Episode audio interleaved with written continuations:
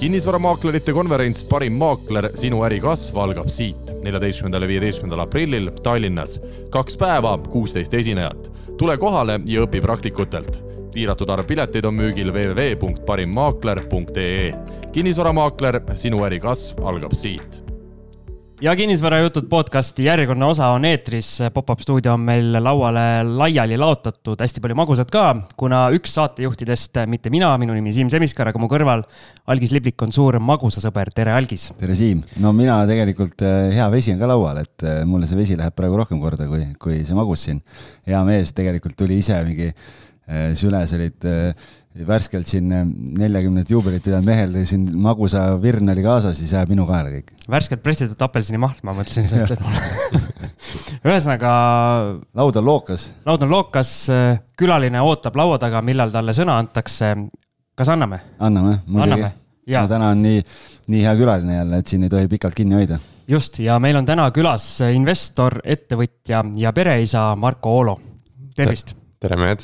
ma arvan, kõik või vähemalt enamus meie kuulajaid teavad Markot kui ühte nii-öelda finantskirjaoskuse ja kogu selle valdkonna eestvedajat Eestis äh, aastaid, äh, juba pikki aastaid, võib-olla aastakümneid isegi, kuigi noor mees veel ise, on nii?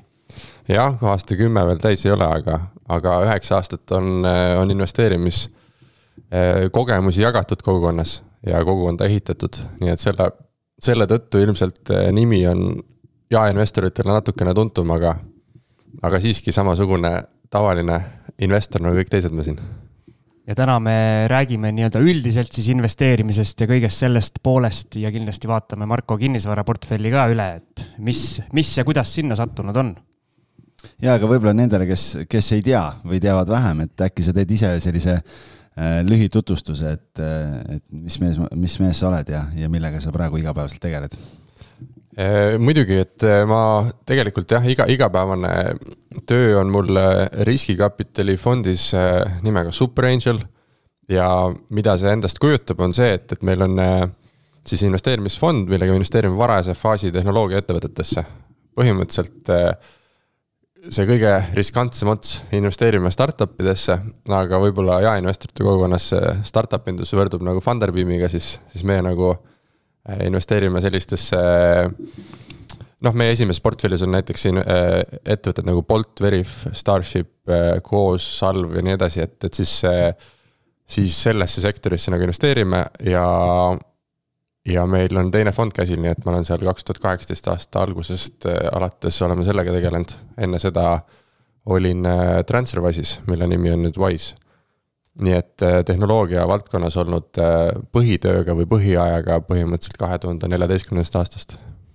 kui sinu juttu kuulata, siis ja nii-öelda võrrelda seda keskmise kinnisvarainvestoriga, kes on korralik dinosaurus, kuna kinnisvara on selline maalähedane asi, siis äh, kõik need tehnoloogiaettevõtted ja kõik need asjad võtavad nagu pea tiirlema natukene, et on see nii-öelda next level nagu investeerimine ma arvan, et äh, seal nagu väga huvitavalt saab seda nagu mõelda või vaadata, et siin tegelikult ei ole nagu üks ega teine otseselt, et kui vaadata lihtsalt sellist portfelli teooriat, siis nad mõlemad mahuvad tegelikult äh, ühe investori, võivad mahtuda ühe investori portfelli. teine asi on see, et, et kus on kellelgi mingi eelis ja milles keegi on nagu oskuslik, et äh, kui sinu kogu taust ja teadmised on, on kinnisvaras, ehitussektoris no siis võib-olla ei ole mõtet tehnoloogia valdkonda erakapitali nagu minna. samas, kui sa oled eluaeg olnud tehnoloogias, võib-olla ei ole just mõtet kinnisvaraga hakata aktiivselt tegelema.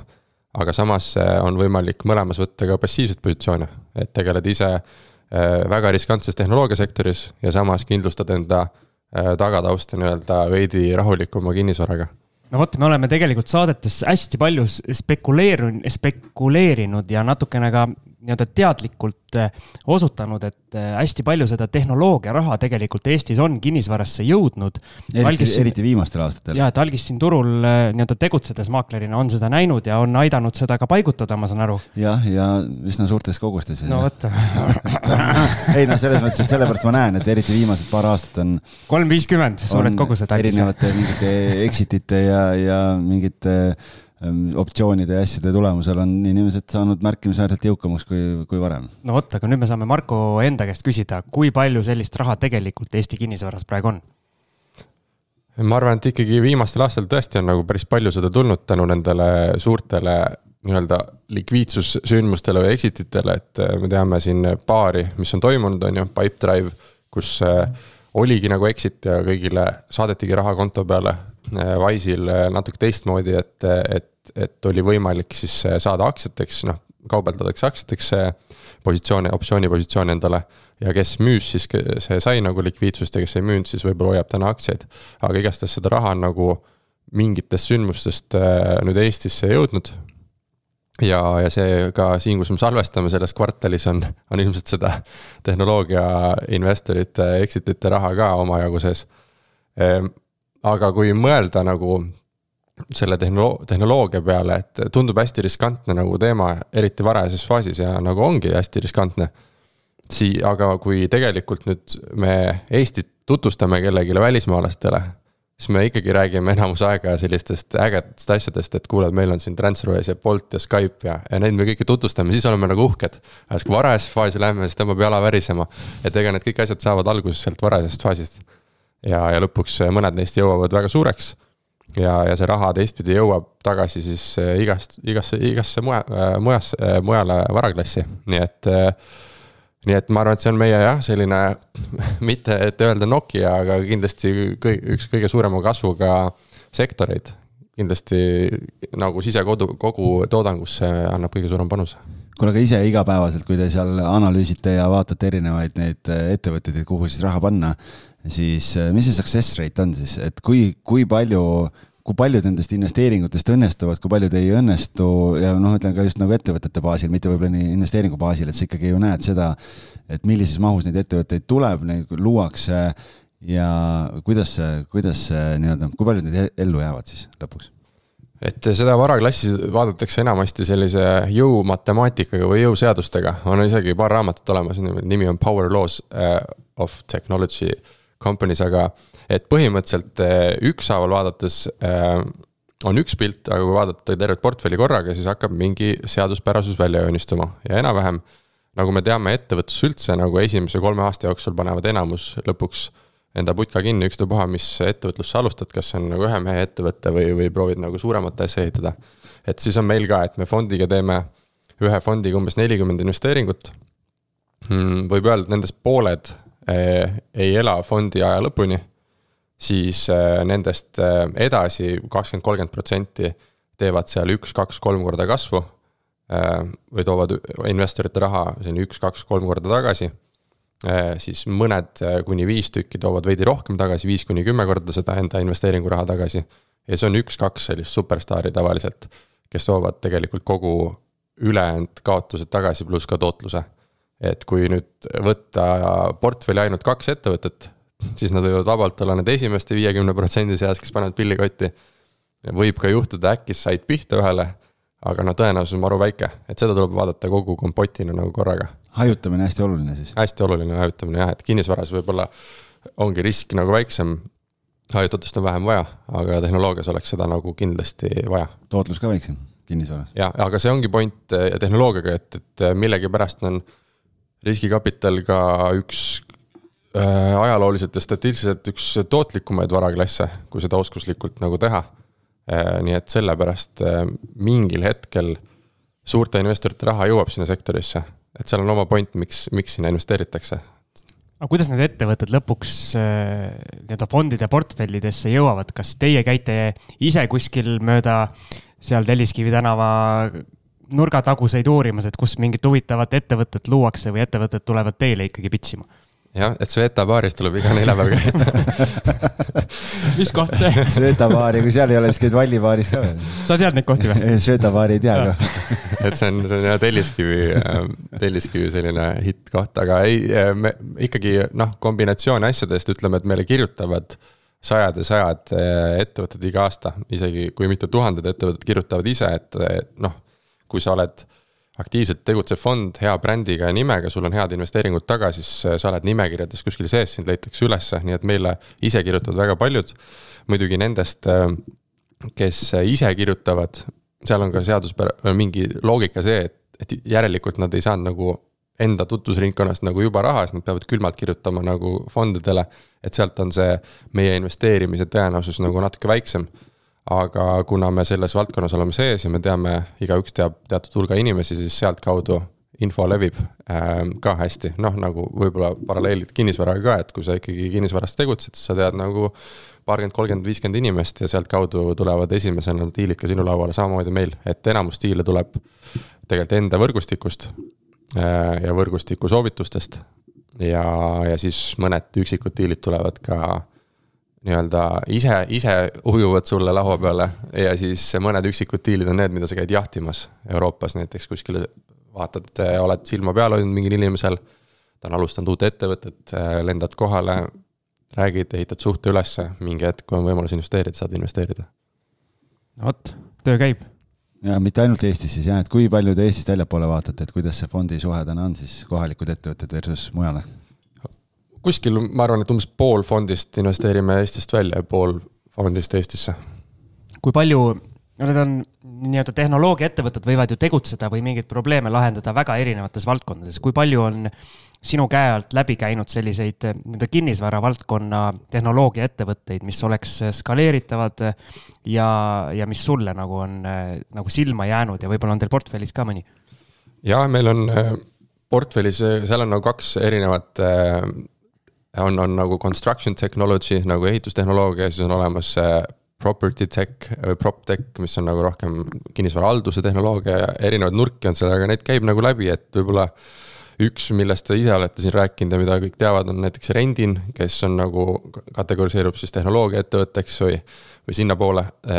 et nemad siin toimetavad, nemad meie portfellis ei ole, aga nad, küll me aga analüüsisime ja, ja rääkisime nende inimestega, kui nad alus, alguses alust-, alustasid seda asja.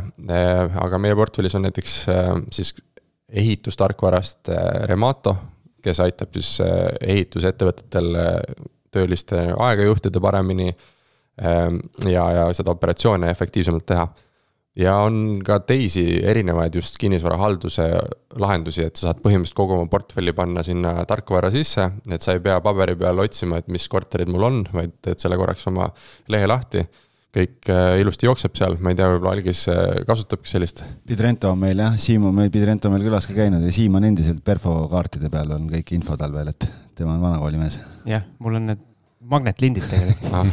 see, see need raketid vahel okay.. ja, ja arvelaud on mul ka väga tähtsal kohal veel laua peal. aga üks asi, mis ma tahtsin küsida, on veel see, et kas kui näiteks äh, Siim äh, Vaidast või Mati Mustamäed, kes meil need põhi nii-öelda kliendid on, kes siin saates äh, läbi räägitud saab, saavad, et kui nemad tahavad nüüd kahekesi alustada uut tehnoloogiaettevõtet, oletame, leiavad kinnisvaras mingi probleemi, mida nad näevad, et on võimalik lahendada ja suur tulevik ootab ees. kas see esimene rahastusvoor ikkagi tuleb saada see FFF, nii-öelda sõbrad lollid ja saamaimulised või kuidas see eesti keeles on? ma viskan siia veel välja, et ühe väga sellise uskumatu koha, kust võib veel raha leida, on klientide käest ei ole võimalik et, et kui oleks võimalik isegi nagu midagi ehitada, et sa ei pea isegi valmis olema toode, aga alguses saad ju osa tööst ju manuaalselt ära teha, et noh, toode võib elada sul ka Google spreadsheet'is või kus iganes või sinu telefonis. et sul on visioon, et äh, tehnika lahendab kõik, aga ikka teed äh, manuaalselt käega no lihtsalt ära. sa tahad ära testida, kas see mõte, mis sul on üldse nagu töötab või kas keegi seda vajab ja, ja võib-olla kõige esimene punkt oleks, et natuke nii-öelda kutsutakse bootstrap ida, et noh, oma rahade eest natuke testida, valideerida turgu, rääkida inimestega, teha sada intervjuud erinevate inimestega. ja võib-olla isegi hakkad nii-öelda konsuldi teel, konsuldi teel nagu kuidagi pakkuma seda juba lahendust, ma ei tea, mis see olla võib, millest me räägime, noh, eks me igalühel need probleemid siis äh, avastavad ise, mis, mis vajab lahendamist, aga alguses niimoodi proovida ja muidugi kui usud asja, mis sa tegema hakkad, alguses paned oma raha sisse, võib-olla sul on juba tutvusringkond ehitussektoris, kinnisvarasektoris mingid inimesed, kes äh, ka näevad selles, noh, lahendad kinnisvarabüroole mingi probleemi ära, võib-olla kinnisvarabüroo juht on ise investor, paneb sinna väikse kopika. ja mingi hetk, kui on äh, validatsioon olemas, siis saab ka suuremat raha nagu tõsta, aga ma arvan, et kui hakata kohe nagu raha tõstma, et võtad kohe viissada tuhat lauale, palkad endale kümme töötajat, ei tea täpselt, kuidas see asi nagu töötabki, siis tekib selline pinge, et. et, et raha nagu on, vastutus on ka juba inimeste ees olemas, aga, aga äri veel ei ole, et ma nagu võib-olla prooviks et päris huvitav oleks, kui klientidelt saaks raha, et. see on mõistlik mõte, tundub iseenesest, aga sa siin ütlesid, et noh, et ei ole mõtet kohe alguses viissada tuhat võtta niimoodi. vahepeal pealkirjades ja juttudes ja igal pool räägiti, et põhimõtteliselt ongi niimoodi, et sa paned ühe mingi Exceli presentatsiooni kokku, kutsud neli sõpra juurde, panete enam-vähem moekad riided selga ja juba panustatakse mitu miljonit eh, ettevõttesse, milles põhimõtteliselt tegevust ei ole, et kui lihtne tegelikult see reaalsuses on. raha saada siis, ma mõtlen. ma arvan, et ikkagi üsna-üsna keeruline mm,. sest et nagu nendest lugudest ei räägita, kuidas need stiilsed riided nagu seda raha koju ei toonud, ma arvan aga, aga see poetšeki arve on ikkagi sul rahakoti vahel. et nendest nagu väga palju, väga palju räägiti, et kui meie ise fondina nagu vaatame, siis me tegelikult äh, investeerime ühte protsenti ettevõtetesse, mida me näeme. ehk et kui sa võtad äh, sada ettevõtet käib laualt läbi, siis ühte me investeerime. mitu neist nüüd ostsid need ilusad riided ja tegid selle ainult presentatsiooni, et. vähemalt seal... nad teevad riidepoodile käivet, nii, see on no, hea. ja, et siis tuleb lihtsalt kaubamaja aktsiat osta kuule, aga minul on tegelikult äh, vahepeal siin paar aastat tagasi, praegu võib-olla isegi vähemaks jäänud, tekkis see tohutu mingi eufooria on ju, kõik hakkame startup'e tegema ja noh, et vanasti oli ettevõte. kas sa tegid ka oma startup'i ära? ma siiamaani teen, ehitan, ehitan, et, äh, et ma olen kasvufaasis, et äh, ja siis äh, küsimus ongi selles, et äh, mulle tundus, et väga kuidagi nagu väga kergekäeliselt suhtutakse sellesse ettevõtlusesse, et oh, teeme startup'i, meil on idee, kaasame raha, siis läks pekki, on ju, ah, teeme uue, noh nagu Pantalone oli kunagi, ütles, et noh, kurat, võtsin sõpradelt raha, et teen panga, siis ütlen, noh, ei tulnud välja, on ju et nagu kuidagi see vastutust nagu tundub, et on nagu vähe, et vanasti noh, nii-öelda meie vanakooli mehed siin, et noh, teed ettevõtte, siis paned ikka ninast veri väljas ja, ja, ja nii-öelda nii palju kui, kui võimalik pingutad, et see tulemus ära teha või, või siis oli noh, sihuke kole sõna nagu pankrot, on ju no,. siis oli aga... eluks ajaks märk küljes. täna oli see, et noh, ei tulnud välja, on ju, et ma ei tea, kuidas, mis sa selle peale ütled, et kuidagi sihuke nagu imelik kuvand nagu tekkis vahepeal, et kuidagi nagu jube kergekäeliselt suhtutakse kogu sellesse asja see on selline filosoofiline teema, ma arvan, et me saame siin nagu erinevate nurkadest seda vaadata, et üks viis on see, et, et, et kindlasti eh, asutaja puhul on hästi oluline selline resilience või vastupidavus või mitte allaandmine nagu, et selle omaduse noh, ehm, kui ta proovib midagi, ei tule välja, proovib teise nurga alt, ei anna alla, ronib, kui uks kinni pannakse, ronib aknast sisse ja nii edasi. aga mingil hetkel seal tuleb ka mingi piir ette, et kust äh, see väisatakse mingit valet asja ja, ja võib-olla kuskil mujal on palju paremad võimalused, et, et seal on nagu see piir on nagu õhkõrn või kuidas, või noh, selline hästi suhteline piir nende asjade vahel. et kui palju sa nagu üritad mingit asja käima panna, mis võib-olla ei lähe. ja mis hetkel sa nagu lähed kuhugile uue asja peale. nüüd, et kus see nagu hea maitse piir jookseb, ma arvan, et et tunnetuslikult äh, saab seda nagu ilusti ise tunnetada enda naha peal, kus sulle tundub, et, et on mõistlik. no näiteks mulle investorina, kuidas ma aru saan, vaatan inimesele otsa ja vaatan, et kas ta andis liiga kiiresti alla või mitte, noh hindan ära enda jaoks, aga. ma mingit äh, reeglit ei oska selle öelda, ma arvan ka, et noh, muidugi kui sa võtad vastutuse teiste inimeste nagu raha, raha ka vastu ja, ja sul on tiim ja inimesed, siis ei ole mõtet nagu peale esimest ei vastust kliendi käest nagu pilli põõsasse visata aga teistpidi kümneid aastaid nagu lihtsalt äh, proovida, proovida, ilma et nagu mingit pointi asjal oleks, et äkki oled täitsa vale asja kallal, siis nagu seda ka ei ole mõtet teha. et äh, nii ja naa vastused ma ei oska, tahaks öelda küll mingi see, et vot nii on õige, aga ma arvan, et see on hästi inimeste äri, et sa pead oskama inimesi nagu lugeda ja, ja sellesse tegelikult sa investeeridki inimestesse me siin vanainimestena proovime edasi torkida, et selles idumaailmas on hästi, hästi levinud sõna on pivot ja näiteks kinnisvaras äh, mina näeks seda pivotit sellisena, sa ostad endale kolmetoalise korteri, vaatad esimese nädalaga üürnikku ei tule, siis teed kahetoaliseks, vaatad ikka ei tule, siis teed ühetoaliseks, vaatad ikka ei tule. et nagu, kas äh, kohati nagu naljakas ei ole, et sa hakkad ettevõtet tegema ja sa oled valmis selleks, et sa võib-olla muudad äh, poole tee peal, kus sa oled juba panust sisse pannud suunda, ma ei tea, üheksakümmend või sada kaheksakümmend kraadi aga kui võt-, mõelge korraks nagu teistmoodi selle asja peale, et eh, kõige innovaat-, kõige suurem innovatsioon või muutus meie elusse tuleb hästi nagu tegelikult suurest äh, uudsest lahendusest või tegelikult tulebki innovatsioonist.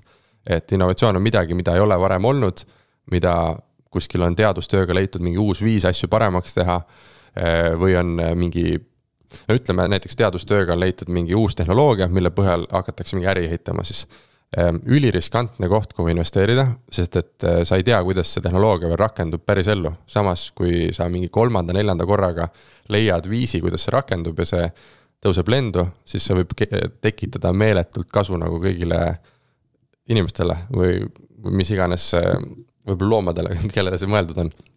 et selles mõttes ta on hästi riskantne, äh, selles suhtes ka, et seal peabki tegema neid, otsima neid kohti, et sul on tehnoloogia, kus sa salvestad äh, õhust süsinikku ja, ja siis pärast seda süsinikku saad kasutada maja ehitusel näiteks äh, mingi komposiitmaterjalina. Äh, aga et leida see õige koht üles, kes seda ostaks ja kui palju see väärt on ja neid asju, siis selleks peabki võib-olla katsetama kolme-nelja asja, tegema seda kolm-neli pivotit. et, et kui mõelda nagu hästi sellise innovatsiooni ja riski aspektist, siis see katsetamine on väga nagu noh, ma ei teagi, Toomas Alva Edison või mis see lambipirni näide on, et, et leidis tuhat viisi, kuidas see asi ei tööta ja, või elektrit, et ühe lambipirni jah, et siis ühe viisi, kuidas see töötas, et kui ta oleks andnud teisel korral alla alla, siis meie oleks siin pimedas ja, ja võib-olla see podcast'i mikrofon ka ei töötaks. see oleks jama ju see oleks täiega jama. kuule, aga Siim, see, võib-olla see pivot on see, et, et kolmest toast kaheksa. see oleks isegi mõistlik juba jah, see võib valet pidi nagu mõtestanud endale seda, et, et ikka nagu inglise keeles disruption on see sõna vist, et noh, et sa pead ikka nagu revolutsiooni tegema, et noh, see on nagu kolmest kaks teha on. ja kui sa nagu teed äh, Tallinna kesklinnas äh, kolmest äh, toast kaheksa, siis võib-olla see asi ei mõju, aga kui sa viid sellesama asja hmm, näiteks Ida-Virumaale koodi Jõhvi majja, kus on tudengid ja kes tahavad seal koodida ja õppida ja öösel magada, et võib-olla töötab see lahendus väga hästi. kas koodijad öösel magavad? Noh, ütleme siis päeval tegelikult me oleme kakskümmend minutit rääkinud teemast, kus me tahtsime ühe küsimusega vist, äh, vist piiduda, aga lähme siit lõhnab sammu re,. lõhnab rekordsaate järele. ja, lähme sammu edasi, et äh, nagu sa ütlesid, sa oled äh, kümmekond aastat kohe-kohe investeerimise juures olnud, sellega tegelenud, et tee kiire kokkuvõte meie kuulajatele, et mis su nii-öelda hästi kiirelt kokkuvõttes, mis su teekond on olnud ja, ja kuhu sa tänaseks välja oled jõudnud? Ehm, alustasin siis äh, mitte, mitteteadlikult tegin mõned äh, väga huvitavad tehingud äh, seal kaks tuhat kümme aastal, kus ma mm, enne sõjaväge ja sõjaväe järel ja sealkandis, et põhimõtteliselt paar huvitavat tehingut, mis noh, et kui hakkas tekkima mingi huvi sellise ettevõtluse ja investeerimise vastu, siis lugesin internetist Forex trading'u kohta. Äh, olete kõik võib-olla kuulnud äh, igastahes ja siis äh, otsustasin, et mina tahan ka sellest osa saada. natuke lugesin, sain aru, et see on mingi valuuta teema. no siis läksin Davidi sinna salongi, Davidi valuutavahetusputkasse ja ostsin endale kroonide eest vist ja dollareid. ja mõtlesin, et nüüd ma võtan positsiooni siis FX positsiooni dollarisse. ja siis, et just oli mingi uudised ka, et siin dollar tugevneb ja, ja nii ka läks dollar nagu tugevnes, kui ma nüüd tagasi vahetaksin, siis ma saaksin nagu rohkem kroone vastu. ja mingi aja pärast nagu tudengile kohane sai nagu taskuraha otsa, siis pidi selle raha ikkagi tagasi vahetama, et süüa osta. siis, siis ma läksin tagasi, vahetasin raha ära ja, ja lugesin nagu näppude peale kokku, et mis siis, kui palju tootlus oli siis vaatasin, et ma jäin nagu natuke kahjumisse et, et siis ma õppisin seda, et, et kolm pool ja neli protsenti oli ostul teenustasu ja müügil samamoodi, aga vahepeal valuuta tugevnes ainult kuus protsenti, kokku miinus kaks protsenti. nii et sain aru, et see. protsendi arvutuse said selgeks sain, sain praktilise kogemuse protsendi arvutusest, aga, aga jah, nii ma katsetasin paari asjaga, et. et sellist asja, siis ostsin paar hõbemünti endale ja, ja kuidagi olin nagu sealt noh, lugedes Kiyosaki raamatuid või mingid sellised, mis on nagu veidi konservatiivsemad, et, et võib-olla kulla peale minna või hõbeda peale aga teadlikult alustasin kaks tuhat neliteist, kus äh, oli, olin lugenud nagu mõned asjalikumad raamatud läbi, äh, tegin esimesed lükked Balti börsile ühisrahastuses. ühisrahastuses siis oli oma, oma raha ja isepankur, kaks portaali, kus sai laene välja anda. Ja jube keeruline oli võtta see sada eurot konto pealt ja kanda kuskile interneti portaali peale ja lood ja hakkad seal kellelegi laene välja andma ja lood, et äkki sealt tuleb midagi tagasi Tundub ka. tundub jube turvaline, on ju. tundus jube riskantne ja ega seda tehingut teha oli nagu väga õudne ka, aga sai tehtud nagu alguses ja tuli välja, et et ei olegi nagu mingid äh, skämmiportaalid ja, ja isegi see asi töötas väga hästi, võib-olla täna muidugi majandus on edasi arenenud ja, ja, ja tootlus on alla tulnud, aga, aga tollel ajal oli väga huvitav. Ja sealt sai asi alguse. Ja siis hakkasin niimoodi palgast äh, raha säästa, säästma agressiivselt, sest et huvi oli investeerimise vastu suur. kas ja... tekkis selline, kuidas ma ütlen, sportlik hasart ka või, või oli see puhtalt eesmärgipõhine, et äh, emotsioonidega polnud seal midagi pistmist? ja ikkagi siht oli nagu sai suht selgeks, et, et tuleb nagu finantsvabadusse jõuda. Äh, või selline siht sai vähemalt selgeks, et sissetulekuallikaid võiks olla hästi palju, et kindlasti tööd nagu saab ka teha ja sealt tuleb nagu suur raha sisse. võrreldes nagu investeeringutega vähemalt alguses. Aga tulevikus võiks olla mingi sissetulekuallikas, mis on, mis tuleb iseenesest kuidagi või, või lihtsama vaevaga, kui, kui ainult oma tundi müüa. et ma olin ikka noorena teinud lihttöid, kus sa müüd puhtalt oma ühte tundi siis natuke oskustööd, kus sa saad võib-olla võimendada oma tunnihinda ja, ja lõpuks avastad nagu ettevõtluse, kus saab äkki skaleerida oma sissetulekut, aga aga niimoodi senti saagides ja kõva hasardiga sai alustades, et kui ma panin eesmärgi, et ma arvasin alguses, et kuuskümmend neli tuhat eurot oleks vaja saada, et finantsvabaks saada. Sest ma arvasin, et kui kuuskümmend neli tuhat eurot on sul konto peal või noh, investeeritud ja sa teenid neliteist protsenti aastast tootlust, siis see tõlgendub äh, umbes seitsesada eurot kuus äh, siis passiivseks tootluseks. noh, väga ambitsioonikas arvutus ja, ja aga, aga kui sa oled täiesti nullis, siis panna kuuskümmend neli tuhat, siis oli nagu päris hea nagu versta, ähm, verstapost, kuhu minema hakata. see oli miljon krooni siis või? jah, täpselt, et siis tundus, et, et äkki, äkki see oleks nagu piisav. muidugi, kui sinna hakkasid lähemale jõudma, siis või hakkasid vähegi lähemale jõudma sinna viiekümne, kuuekümne tuhande juurde, said aru, et esiteks neliteist protsenti tootlusootus on on täiesti ebarealistlik olnud, teiseks rahavoo tootlus on midagi muud kui üldtootlus, ehk et kui sa neliteist protsenti isegi tootlust saad, siis äh, nagu rahana kontole see kõik ei jõua, et sellest tuleb rahana kontole võib-olla ainult pool või vähem. Ja, ja kokkuvõttes said aru, et okei okay,, rohkem raha on vaja, siis äh, panid järgmise eesmärgi kakssada tuhat, siis viissada tuhat, siis miljon ja nii edasi, aga alguses äh, üksik üksik nagu, et mitte perekonnana või noh, et ma olin ikkagi tudeng ja perekonna sees oli vallaline ja siis sai ikka senti saagitud, saetud nagu väga korralikult, et ja vot ma tahangi selle kohta küsida, et väga palju nii-öelda diskuteeritakse selles vallas, et kas kas kasulikum on äh, säästa, tõmmata nagu täiesti ennast, nagu rahakratt ütleb, äh, seal tatra peale ära ja siis, siis hakata finantsvabaduse poole liikuma või äh, ikkagi suurema efekti annab see, et sa suurendad oma sissetulekuid või see peab olema siis kombinatsioon kahest? jah, et nagu kuidagi tahetakse ühte või teist nagu ära kaotada või maha teha, et kuule, et miks sa säästad, et pigem suurenda sissetulekuid, siis minu meelest äh, need on nagu käi-, on täpselt sama asi põhimõtteliselt, lihtsalt et kui sa, minu jaoks on olnud see äh, psühholoogiliselt nagu võimas see, et ma suudan oma kulusid kontrollida, ehk et ähm, et ma ei kuluta asjadele, mida mul vaja ei ole, esiteks see on nagu natuke minimalismiga seotud ja sellise jätkusuutliku tarbimisega üldse. ja teiseks, et jah, et, et aru saada, mis sind õnnelikuks üldse teeb, et asjad ei tee õnnelikuks ja kui sinna kui hakata võib-olla sissetulekut kogu aeg suurendama ja siis kogu aeg saad juurde asju osta, siis võib-olla ei saagi aru, et asjad ei tee õnnelikuks. aga et mitte minna filosoofiliseks, siis põhimõtteliselt mina hakkasin kulusid nagu, kulusid lõikama korralikult ja proovisin aru saada, mida mul vaja on. Äh, ja, ja, ja neid proovisin hoida ja kõik, mis võimalused on, siis neid ma kaalusin nagu rohkem, et kas neid teha või mitte aga seda süsteemi või seda harjumust enda jaoks ehitad ühe korra ülesse nagu põhimõtteliselt seda mõttemustrit aga sa ei ole võimalik kaheksa tundi päevas nagu kulusid lõigata nagu, et mida sa teed siis kaheksa tundi päevas, et, et raha tuleb kuu alguses sisse. sul on mõtte, mõttemuster, et sa ei tee ebavajalikke kulutusi. ja see ongi olemas, aga see, see ei ole aktiivne töö, et kogu aeg ju läheb ikkagi sissetulekute suurendamise peale.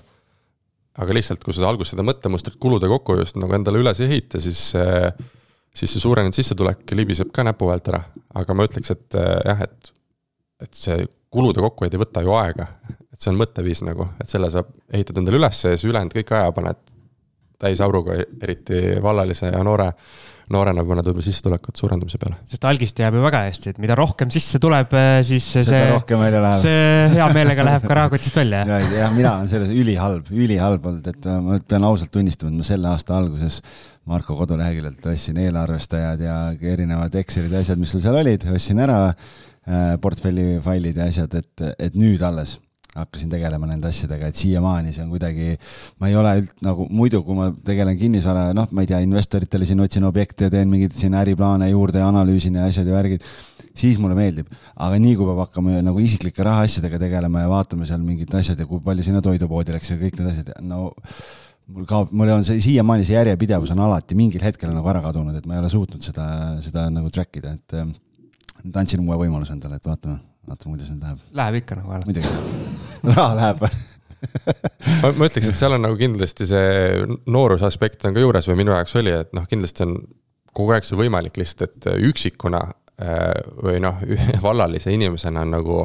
sa vastutad enda eest, on ju, ja sa ei või saad, saad enda arvelt, eriti noorena nagu järeleandmisi teha ka. võid nagu nii-öelda rumal, nii-öelda rumalaid eksperimente ka proovida, et eladki kuu aega tatrast näiteks. no ja sööd nagu sellist nagu üksluiset toitu on ju, et teed ühe korra terve potitäie poloneeset ja sellest sööd kolm päeva ja see on täitsa fine, aga kui sul on kaks-kolm last on ju peres ja naine ja siis. lapsele, et nüüd see nädal sööme tatart. jah, hommikul sööme poloneeset, lõunaks poloneeset, õhtuks poloneeset, et noh, sellised asjad ei tööta ja noh, ega ta ei ole tervislik tasakaalustatud toitumine nagunii, aga noh, noorena vallalisena, ega sa ei tee endale ka iga, iga, igaks roaks äh, uut äh, suurt äh, mingit praadi, on ju, ja saja toiduainega. et, et lihtsalt siis on nagu lihtsam seda mindset'i ehitada, et täna me tegime, naisega vaatasime eelmise aasta pere-eelarve üle ja siis panime kõik äh, kirja ja siis istusime maha ja siis võtsime kahe käega peast kinni. mõtlesime, et kuidas see asi nagu nii kontrolli alt välja ja süüdistati, süüdist-, süüdistate lapsi kindlasti sinna me jõuame võtsime kahe käega peast kinni ja mõtlesime, et noh, et nüüd on asi täiesti kontrolli alt välja, nüüd peame nagu see aasta võtame asja nagu käsile. ja siis hakkasime kulukategooria kaupa nagu üle vaatama, et nii, nüüd võtame asja käsile siit äh, lihvime nagu kindlasti nagu pool seda asja vähemaks. ja siis hakkame vaatama, nii millele see raha kulub, reisimine. okei okay,, selle arvelt nagu ei hakka võtma, et noh, reisimine on väga äge ja last, lastel tahavad maailma näidata, ise tahavad reisida, no selle arvelt ei võta. nii, transpordivahend, noh seda ka ei saa, et lapsed on vaja lasteaia saada ja nii edasi, et meil on üks auto niikuinii. et, et seda ka ei anna võtta, siis vaatad, mis veel suuremad asjad on ähm,. lapsehoidja, et oleks endal mingitel nädalapäeva õhtutel nagu kaaslasega aega välja minna, enda tassi täis, täis panna ja, ja patareisid laadida. noh, seda ka ära ei võta. ja lõpuks jõuad sinna toidupoe eelarveni, mis on nagu, mis ei ole nagu suur kuluallikas võrreldes kõigi nende teistega. ja siis vaatad, et okei okay,, kui me siit nagu hullult vaeva näeme, ma arvan, et saame mingi viiskümmend eurot kuus nagu säästa. Versus nagu lapsehoidja maksab tuhat euri kuus, siis mõtled ah, las see toit ka olla. Siis saad aru, et ainuke viis on sissetulekuid suurendada. ei no väikestel lastel jätad mähkmed ära, hakkad neid marlilappe pesema, siis äh, raha jääb kõvasti alles. Mul oli samamoodi, kui ma panin kõik need asjad, panin Excelisse kirja, siis ma sain šoki sellest, kui suur see kulubaas on. ja siis ma hakkasin samamoodi vaatama, ma mõtlen nagu, et nagu elan linnast väljas, on ju, noh, meil on kaks autot, on ju, et noh, et ühe autoga ei saa hakkama noh, et äh, ja siis samamoodi vaatad, vaatad, vaatad, vaatad ja siis mõtled, et ja sama, enam-vähem sama järeldus, et ainuke koht võib-olla oleks toit.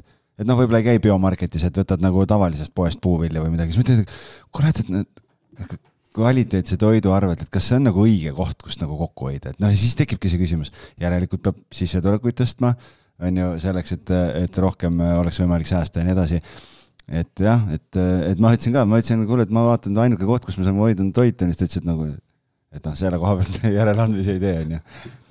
et, et perega on nagu keerulisem natuke, et siis tuleb nagu noh, et aga see on hilisemas eluetapis ka, et tihtipeale siis ongi, et, et noh, mina olen minu teekonna, kui me küs-, rääkisime tegelikult teekonnast ja jõudsime pere-eelarveni, aga et. et, et ma olen ikkagi noorena nagu olnud äh, nii-öelda frugal või, või suhteliselt kokkuhoidlik ja seda äh, algkapitali nagu kogunud kokku äh, läbi sissetulekute säästumäära ja, ja sendi saagimise. ja, ja mida aeg edasi on läinud, seda rohkem on olnud võimalusi siis seda passiivset sissetulekut enda jaoks ära kasutada ja eladagi seda elu, mis mis nagu mõte on, et, et teekond läkski niimoodi, et äh, algusest äh, nullist äh, sent sendi haaval panin endale kindlad eesmärgid, iga kuu oli mul eesmärk ees, ma teadsin, kui suur portfelli suurus peaks olema. see kasvas enamasti sisse pandud raha arvelt. neljandast-viiendast aastast hakkas ka liitintress ja üldse intress nagu tööle. kus tekkis nagu esimene efekt, et võib-olla mina ise ei panegi nii palju raha, ei suuda nii palju raha iga kuu sisse panna, kui portfell ise suudab teenida ja sealt edasi järgmised neli-viis aastat äh, veeres portfell paarisaja tuhandesest äh, suurusest kuni üle miljonini. ja, ja täna suurem osa sissetulekust tuleb ikkagi passiivsest ja investeeringutest ja, ja ise proovin siis nagu noh, teen midagi, mis mulle meeldib, millest me rääkisime esimesed kakskümmend minutit. ja see toob ka raha sisse. aga, aga see ei ole nagu tehtud selle eesmärgiga, et, et, et üldse pere ära toita me oleme, või tähendab, Jaak Roosaare on rääkinud, see viiekümne protsendi klubi, tema oli vist see, kes hakkas sellest nagu kõige, kõige aktiivsemalt nagu kunagi, kunagi rääkima, et mis su säästumäär oli siis sellel nii-öelda tudengipõlves, kui sa senti saagisid, et palju, palju säästa suutsid? samal ajal ma tegin ka investeerimisklubi, mis oli selline päris aktiivne kogukond, kus oli nagu noh, kuni viissada, kuussada liiget ja nendest ütleme siis kindlasti noh, sealt viiskümmend tükki olid nagu sellised megaaktiivsed, kes nagu möllasid kõik koos, siis me tegime. meil oli iga kvartal mõist-, mõõtsime säästumäära ja tegime tunnustusüritusi, kus me siis äh, tunnustasime parima portfelli kasvuga inimesi, suurima säästumääraga inimesi ja siis meil tekkis selline äh, tervislik või võib-olla ebatervislik võistlus, aga. aga minul jõudis see sinna seitsmekümne, kaheksakümne protsendini see säästumäär. Mingid äh, agaramad tüübid veel panid kvartaalselt, mitte isegi nagu ühe kuu kaupa, vaid kolme kuu kaupa kokku panid seal ühe, üheksakümmend protsenti sissetulekutest kõrvale ja siis me niimoodi koos nagu saagisime mõne, paar aastat ja siis äh, mingi hetk jah, siis hakkasid inimestel tekkima pered ja ostsid endale kodusid ja asju ja siis nagu tõmbasid säästumäära tagasi sinna viiekümne peale. aga on, on olnud ka aegu, kus on saanud nagu seitsekümmend, kaheksakümmend protsenti kõrvale panna. Võimas. Siim on sõnatu kohe selle peale tavaline, tavaline. ah, no vot. nii ah,. me ei rääkinud kulutamisest siin, me rääkisime säästmisest Potato, potato sa tõid sisse juba selle investeerimisklubi, äh, et ja siis sealt edasi veel ka see investeerimisfestival ju, mille teie käima panite, et sul on nii-öelda päris korralik organisatoorne kogemus, ma saan aru jah, et me alustasime selle investeerimisklubi kaks tuhat neliteist ja põhimõte oligi see, et me olime huvitatud investeerimisest ja meil oli kokku umbes neli sõpra, kes olid huvitatud veel. ja see tundus nagu liiga väike teadmiste kogum olevat, kust, kust areneda või kust uusi, uusi mõtteid saada ja me tahtsime seda laiendada. ja, ja heal sõbral Tõnis Tõnis Merkuljevil tekkis see idee ja oli see idee, et teha selline kogukond investoritest ja koos itereerides me jõudsimegi formaadini, kus me kutsusime edukaid ettevõtjaid, investoreid siis jagama enda kogemusi. me tegime selliste ürituste äh, sarja äh, formaadi ja, ja tuli välja, et selle vastu oli meeletu huvi nii Tartus kui Tallinnas, igal üritusel mingitel hetkel käis seal sada, kakssada inimest ja üritused toimusid iga teisel nädalal. Nii et kokku tegime nelja aasta jooksul kakssada viiskümmend üritust ja sellel ajal nagu väga palju muud ei toimunudki olid mõned suuremad koolitused teiste poolt korraldatud, aga, aga, aga see oli selline kõige aktiivsem koht, kus investeerimise kohta õppida ja meie siis ise tegelikult panime ennast olukorda, kus me olime aktiivsed kuulajad, sest et me ise ju ei jaganud kogemusi seal, vaid me kutsusime kõiki investoreid, keda me nägime, et kes kuskil figureerivad, teevad midagi ägedat, nad jagasid oma kogemusi ja niimoodi me olime nagu kollektiivaju. imesime tarkadelt inimestelt neid teadmisi välja. läbi selle suurendasime enda teadmiste pagasit ja, ja saime siis noh, põhimõtteliselt see kogukond ja et sul on tutvused ja kõik see asi aitab sul paremaid võimalusi ka leida ja nii ise korraldades aitas see meil rohkem õppida, rohkem tutvusi saada, mis on tänaseks äh, olnud nagu üks kõige kasulikumaid asju terve selle kümne aasta jooksul. et ikkagi see võrgustik inimestest, kes sul ümber on, iga hetk, kui sul küsimus tekib, on kolm inimest, kelle käest küsida. Äh, samas tuleb ka investeerimisvõimalusi täna sisse tänu sellele, eh, mida võib-olla muidu ei tuleks, kui sa ei aktiivselt ei suhtleks, et minu üks teooria on see, et, et foorumis nagu eh, kui sa inimestega ei suhtle, siis foorumis nagu äh, ainult foorumi kaudu või siis klaviatuuri sõdalane oled, siis äh, niimoodi nagu väga mingi hetkeni sa jõuad, aga mingist hetkest tuleb platoo ette, et. kas ikkagi... Delfi kommentaariumis siis ei saagi häid investeerimisvõimalusi või? isegi seal ei saa ja, et ja, ja ka on igasugused foorumid, kus saab aktiivselt suhelda, aga seal tekib ju noh, väga väike kontsentratsioon inimestest, kes viitsib nagu päev otsa vatrata seal. ja ikkagi tekib see kolm-neli inimest ja seal ei arene see teadmine edasi. on küll parem kui mitte midagi, aga, aga selline aktiivne kooskäimine on olnud ikkagi minu jaoks suht võtmetähtsusega. täna ma ei teagi, vist, vist on niimoodi, et kõik tuttavad, kellega ma suhtlen, nagu pere tasandil ja nii edasi, kõik tegelevad mingil määral ettevõtluse investeerimisega kõik head asjad, algis, kaasa arvatud ka meie podcast, saavad alguse sellest, et tegelikult tahad ise õppida ja nii-öelda seetõttu hakkad mingit sellist asja tegema. ja meil oli täpselt samasugune algus, aga see investeerimisfestival siis kui selline, kust see esimene mõte, et oh, teeks mingi nüüd niisuguse suurema asja, et et mäletad sa seda, seda hetke ka? see tekkis ka kogukonnast, et kõik see on nagu arenes ikkagi puhtalt, me tegime seda ainult nagu endale ja inimestele, kes seal koos käisid, mitte nagu mingi, mingi, mingit muud nagu eesmärki seal ei olnudki, et mingi tulu ja see kõik oli nagu, kõik läks tagasi ainult sinna ürituste korraldamisse.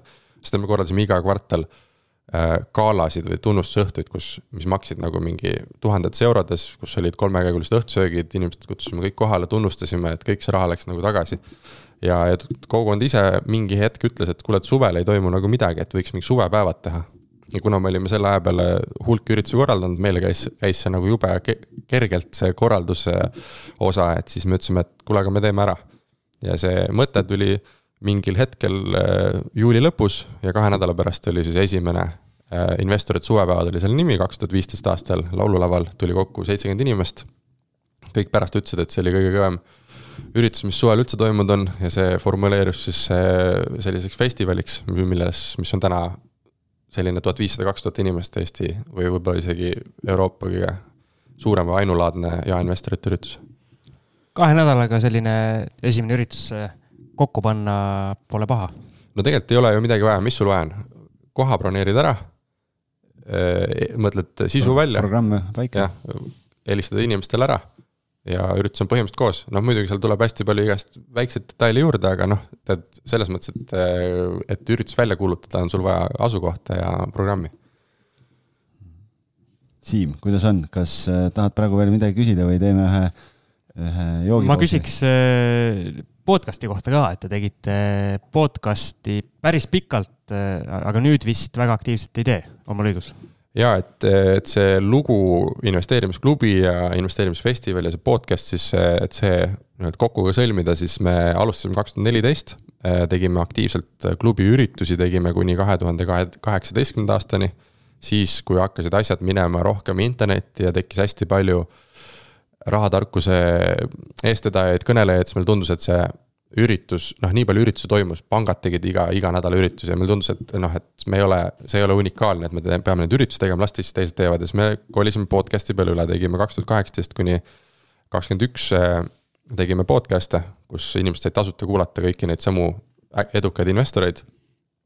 Ehm, ja investeerimisfestival oli siis ainuke selline suur asi, mida me iga aasta tegime, kaks tuhat kaheksateist kuni kakskümmend üks ja, ja siis me olime ise kaheksa aastat kokku teinud ja otsustasime et anname selle teatepulga Äripäevale investor, investor Toomasele üle. nii et, et sisuliselt me andsime äh, ja, ja müüsime selle investeerimisklubi, investeerimisfestivali ja kogu saba ja sulgedega siis äh, Äripäevale ära investor Toomase meeskonnale, kes siis äh, nüüd juba eelmine aasta korraldas ise eestvedamisel. kui me, kuigi meie suure panuse toel, siis see aasta nüüd rohkem iseseisvalt korraldavad edasi neid kõiki asju ja taaskäivitasid investeerimisklubi. tegite exit'i jah? Tegime sellest exit'i, et, et jah, et põhimõtteliselt see face, noh, põhjus oli lihtne, et, et see asi jäi meie taha kinni, kuna me oleme, minul ja Tõnisel on alati olnud oma põhitöö. siis me tegime seda alati nagu hobi korras või, või teise asjana. ja, ja kuna see festivali korraldamine võtab kuus kuud eh, umbes neljalt-viielt inimeselt eh, täistööaega, siis minul lihtsalt eh, iga aasta tekkis periood, kus ma jaanuarist kuni juunini tegin äh, sada kuuskümmend tundi kuus investeerimisfestivali ja sada kuuskümmend tundi kuus oma tööd. ja kokkuvõttes see tuli millegi arvelt ja kui sul on kaks last ja pere, et siis võimalus oli kas, kas tõmmata festivali suurust tagasi, et see oleks nagu tehtav või siis anda kellelegi, kellel on professionaalne tiim, äh, kes suudab seda ressursiga ära katta ja, ja Äripäev on Eesti suurim investeerimisürituste korraldaja, nii et väga loogiline samm. super aga nüüd teeme väikese kõllipausi ja kui tagasi tuleme, siis lähme kinnisvara juurde, nagu saate nimigi ütleb. ja lähme maitseme lumivärava vett.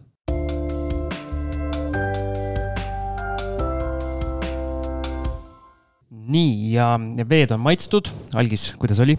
no väga hea, lumivärava vesi on väga hea, et äh, mulle maitseb, sihuke mõnus, kerge hapukas maitse. ahah, tee see reklaamlause ka ära, mis sa, mis sul plaanis oli ma ei tea, mis reklaam on. panin su tanki lihtsalt. ma ei tea. okei okay,, reklaamlauset ei tule, lähme oma saatega edasi ja nüüd siis lähme kinnisvara juurde konkreetsemalt äh, koos Marko Ologa, kes meil endiselt viitsib siin laua taga kenasti jutulõnga veeretada. alustame sellest, Marko, et mis su kinnisvaraportfellis praegusel hetkel on? nii, mõtlen, kust alustada meil on nii pikk nimekiri ees ei, mitte, et pikk nimekiri, ma mõtlen, kuidas seda veidi konteksti panna et äh, ma korraks äh, vaatan siin enda sellele. nii, mm, no portfelli kokkuvõttes, et kuidas ma kinnisvarast mõtlen äh, portfelli kontekstis, et mul on kinnisvara siis umbes kolmandik kogu portfellist. ja seal sees siis ma proovin hajutada erinevate, erinevate asjade vahel ja kuidagi, et tekiks selline mõnus portfell, aga et, et sinna sisse minna, noh, et kontekst on lihtsalt see, et, et kinnisvara ei ole minu number üks äh, tegevusvaldkond, äh, kus ma aktiivselt tegelen, see on, ma arvan, oluline ära öelda.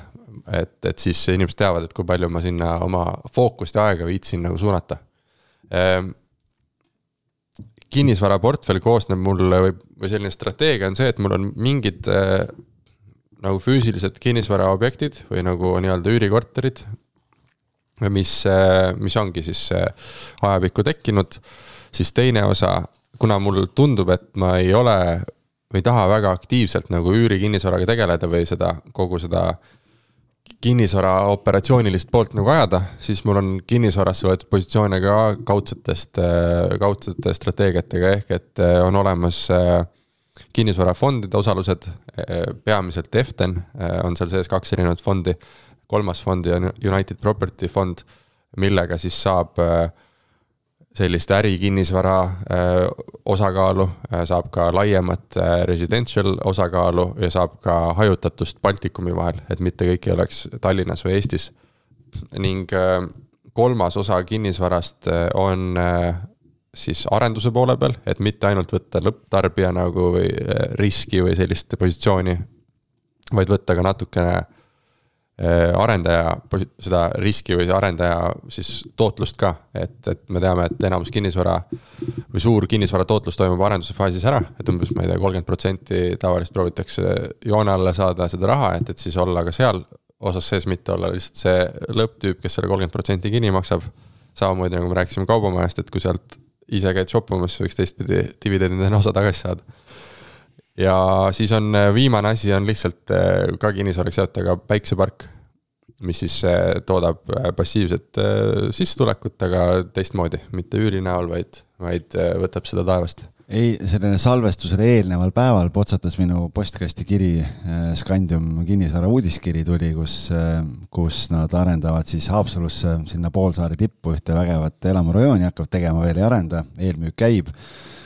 Siis oli uudis, et ka tuntud investorid kaasati sinna punti ja seal käis sinu nimi oli ja Kristjan Liivamägi oli, et, et ma saan aru, et olete seal ka kättpidi sees. jah, et see on äh, värske, värske investeering siis äh, Marienholmi äh, kvartali või see poolsaare nagu arendusprojekt ja oli võimalus sinna projekti nagu minna nii-öelda arendaja tasemel sisse ja see on siis üks viiest äh, nii-öelda arendusettevõtte positsioonist, mis mul on.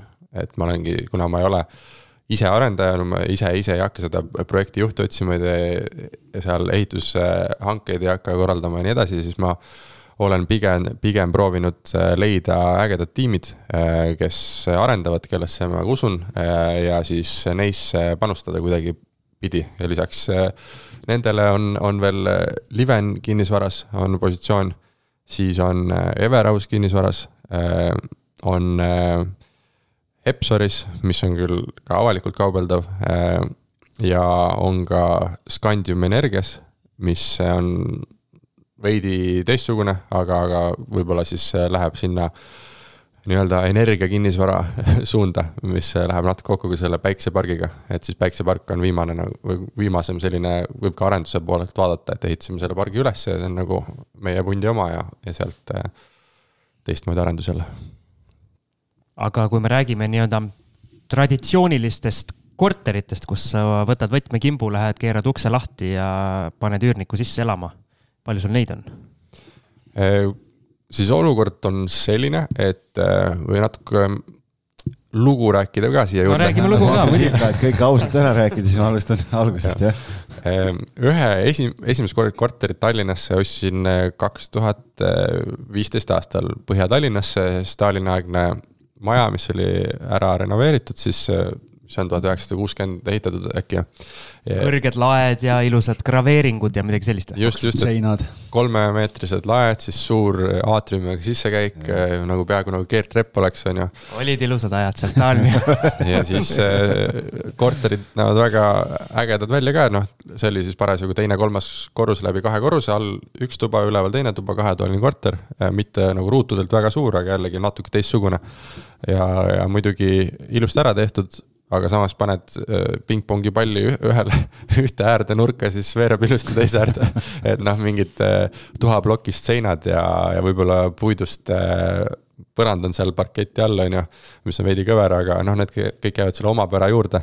ja samas saad ka naabrite telekat kuulata õhtuti. igatahes sellise korteri ostsin, et see oli esimene siis korter, mis noh, tundus, et siin, siin võiks elama minna ja jõudsin seal siis äh, elada ka umbes äh, neli-viis kuud, kus tulgatas pähe idee, et aga, aga et mis ma siin nagu õhtuti seda kaheksat tundi või öösiti kaheksat tundi siin korteris veedan, noh, et niikuinii enamus aega olin kuskil tööl või kuskil möllasin ringi, et, et pigem siis äh, kuna ma ei kasuta neid võimalusi täisväärtuslikult ära, annan selle üürile.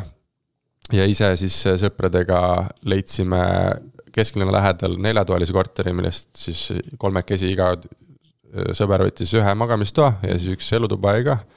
ja siis igaüks rentisime sellist kaheteist, kümne kuni kaheteist ruudust tuba siis äh, koos ja, ja kokkuvõttes nii sai jälle senti sa saetud või lihvitud ja kokkuvõttes tekitatud endale isegi positiivne rahavoog, et lisaks äh, enda üür oli nii palju väiksem, äh, enda siis rent nii-öelda oli väiksem, mis ma üüritulu sain, oli suurem, see kattis ära nii laenu kui ka enamus sellest enda uuest üürist või rendist, et selline, sellisega sai alguse.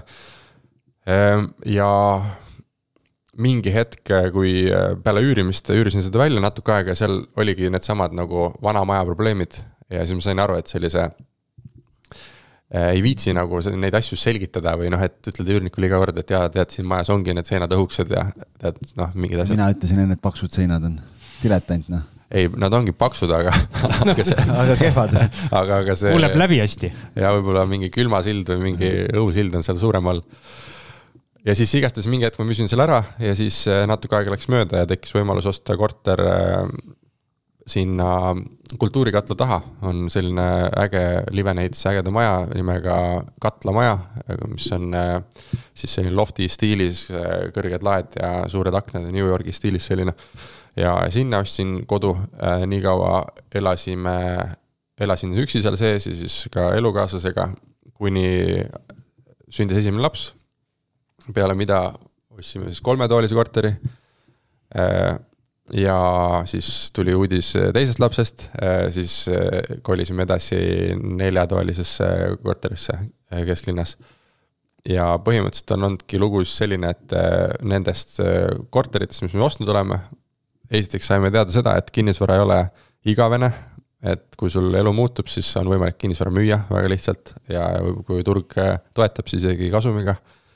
Esimese korteri müüsin maha, mis Põhja-Tallinnas oli, teine korter, mis seal Kultuurikatla taga on, on alles olnud, alles siiamaani. kolmas korter, mis oli Paldiski maanteel Rocca al Mare seal vahepeal, selle müüsime, see oli siis, naine ostis, selle müüs ta maha ja siis nüüd ostsime selle praeguse kodu. ja lisaks ma ostsin äh, ühe korteri Tartusse, äh, mis saab valmis, pidi saama nüüd kuu aega tagasi, aga saab kahe kuu pärast. Äh, ja mis siin, mis siit kokku tuleb siis? üks korter on olem-, üks korter on üüris praegu ja üks korter valmib varsti, need mõlemad nagu lähevad investeerimisportfelli arvesse ja lisaks on veel see oma kodu, kus me täna elame mida üüri, mida kinnisvara alla liigitan nagu kokkuvõttes netoväärtuse mõttes, aga üüri, see investeerimisportfelli ei arvesta. üks asi, mis paljudel investoritel on või see mõte, mõtteviis on, et nii-öelda never sell, et kui sul on mingi korter käes koduna ja liigud edasi, siis nagu väga ei taha, väga ei taha müüa sa rääkisid, miks sa selle oma esimese korteri on ju ära müüsid, aga kas selle teise korteriga, kus ma saan aru, kõik oli hästi, seinad pidasid, kõik oli äge, et seal nii-öelda tekkiski see, et, et pigem ei taha müüa, et jätad? jah, et see oli selline esimene korter, kus äh, tundus, et see on nagu nii äge, et noh, kui nüüd just ei peaks ära kolima, siis ma elaksin nagu elu lõpuni sees ja, ja tekkis see tunne, noh, see oli uus arendus ja erilisema võib-olla arhitektuuriga. mingi hing on seal mõt-, mingis mõttes sees ülihea asukoht, äh, üürihinnad toetavad suhteliselt heldelt ka seda kogu projekti. ma kujutan ette, kui Marko oleks selle korteri müüki pannud, siis oleks ta see müüja olnud, kes oleks müünud emotsiooni ja esimest, selle esimese lapse aurat ja oli nii, eks no tegelikult äh, selle korteriga, noh jällegi, et kinnisvaraturg Tallinnas on olnud nagu ma ei teagi, sellel ajal, kui mina olen investor olnud ja kuna ma kinnisvarasse nagu paigutan natuke raha, on olnud väga helde. et, et, et selle aja jooksul, kui see korter juba peale broneerimist, noh, see broneeriti, terve maja broneeriti ära mingi kahe nädalaga. et üldse oli õnnelik, et said seal üldse selle korteri broneerida, tundus muidugi, et äkki see on kõige kallim nagu äh, korter, mis üldse turul on ja äkki on kõige valem otsus, mis üldse tehtud siiamaani on, aga siis pooleteist aasta pärast, kui korter valmis sai, juba sellel üleandmise hetkel olid äh, hinnad nagu kakskümmend, kolmkümmend protsenti kõrgemal. pärast äh, pooleteist aastast sees elamist järgmine kakskümmend protsenti otsa ja viimase kahe-kolme aastaga on seal veel tulnud kolmkümmend, nelikümmend protsenti otsa, kokkuvõttes ma arvan, müüki paneks täna kaks korda, kaks, kaks pool korda kallimalt, nähes, mis korterihinnad sealsamas majas teevad ja, ja mingil hetkel siis ka maaklerid olid pannud selle maja endale nimekirja ja tegid kontrollkõnesid iga kahe-kolme kuu tagant, et andsid kõigile teada, et kui midagi vabaneb, andke mulle teada, sest mul on ostja olemas ja, ja põhimõtteliselt helistati kümme korda aasta aja jooksul, et võiks kohe korteri ära võtta ja noh, taheti motive-, motiveeritult ära osta seda minu käest äh, hinnast isegi olemata, olenemata, et, äh, et siis ei taha nagu müüa enam. ja siis saad aru ka, et noh, täpselt see on selline asi, kus tahaks ise elada, samas seal on tänu sellele ka sama suur huvi, et minusuguseid inimesi on, on päris palju. ja nii ma nagu olengi sellist uusarenduste äh, usku nagu pööranud, pööranud, et vähem toimetamist. ja samas asi, mis mulle endale meeldiks, ilmselt meeldib ka teistele, kuidagi noh, teate sellist, see on ilmselt käib siit äh, saadetest teil läbi ka, et on mitmesugused, kes äh, viitsib nagu võtta seda magalarajooni, rajooni. üürivanni. üürivanni ja mingid tüübid, kes nagu tahavad ainult täitsa tutikat uut asja, kes äh, näevad, et ma elaks ainult, ma üürin ainult selliseid asju, kus ma ise tahaks elada ma igaks juhuks küsin ise selle küsimuse, et mitte staarmaaklerit siin tülitada selliste lihtsate, lihtsate küsimustega, kas sa ma ei tea, mis siit tuleb. kas need ostu- ja müügiprotsessid ja väljaüürimised oled sa kõik ise teinud või, või kasutad sa maaklerit ja haldusteemad, et sul ilmselt see halduskoormus väga suur ei ole, et kas sa nii-öelda haldad ise ähm.? Jah, et, et ütleme, et esimese korteriga, mis seal Põhja-Tallinnas oli, kasutasin maakleri abi, oli väga tore äh,. Kristel Uusmaast, kes äh, möllas ette-taha ja tegi kõiki asju, ma olen hea meelega nõus äh, tema teenuse eest maksma ka või tegelikult isegi nagu teate küll, üürnik maksab tihtipeale nende teenuste eest äh,. siis äh, temaga tegin niipidi äh,, nüüd selle rumbikorteri või katlamaja korteri katsetasin esimest korda, oli rendin välja tulnud Äh, ja ma olin võib-olla teine klient neil, kes äh, otsustas äh, selle peale panna endale ja esimesed kindlustuslepingud olid väga helded ka seal ja väga noh, teenustasu oli jällegi madal ja kõik see ja ma kats-, noh, ma olen tehnoloogiat katsetan kogu aeg igal, igal pool, et siis panin selle peale sinna. küll aga leidsin ise üürniku sinna ja panime lihtsalt selle tehno-, noh, tehnoloogilise või lepingulahenduse rendini poolt.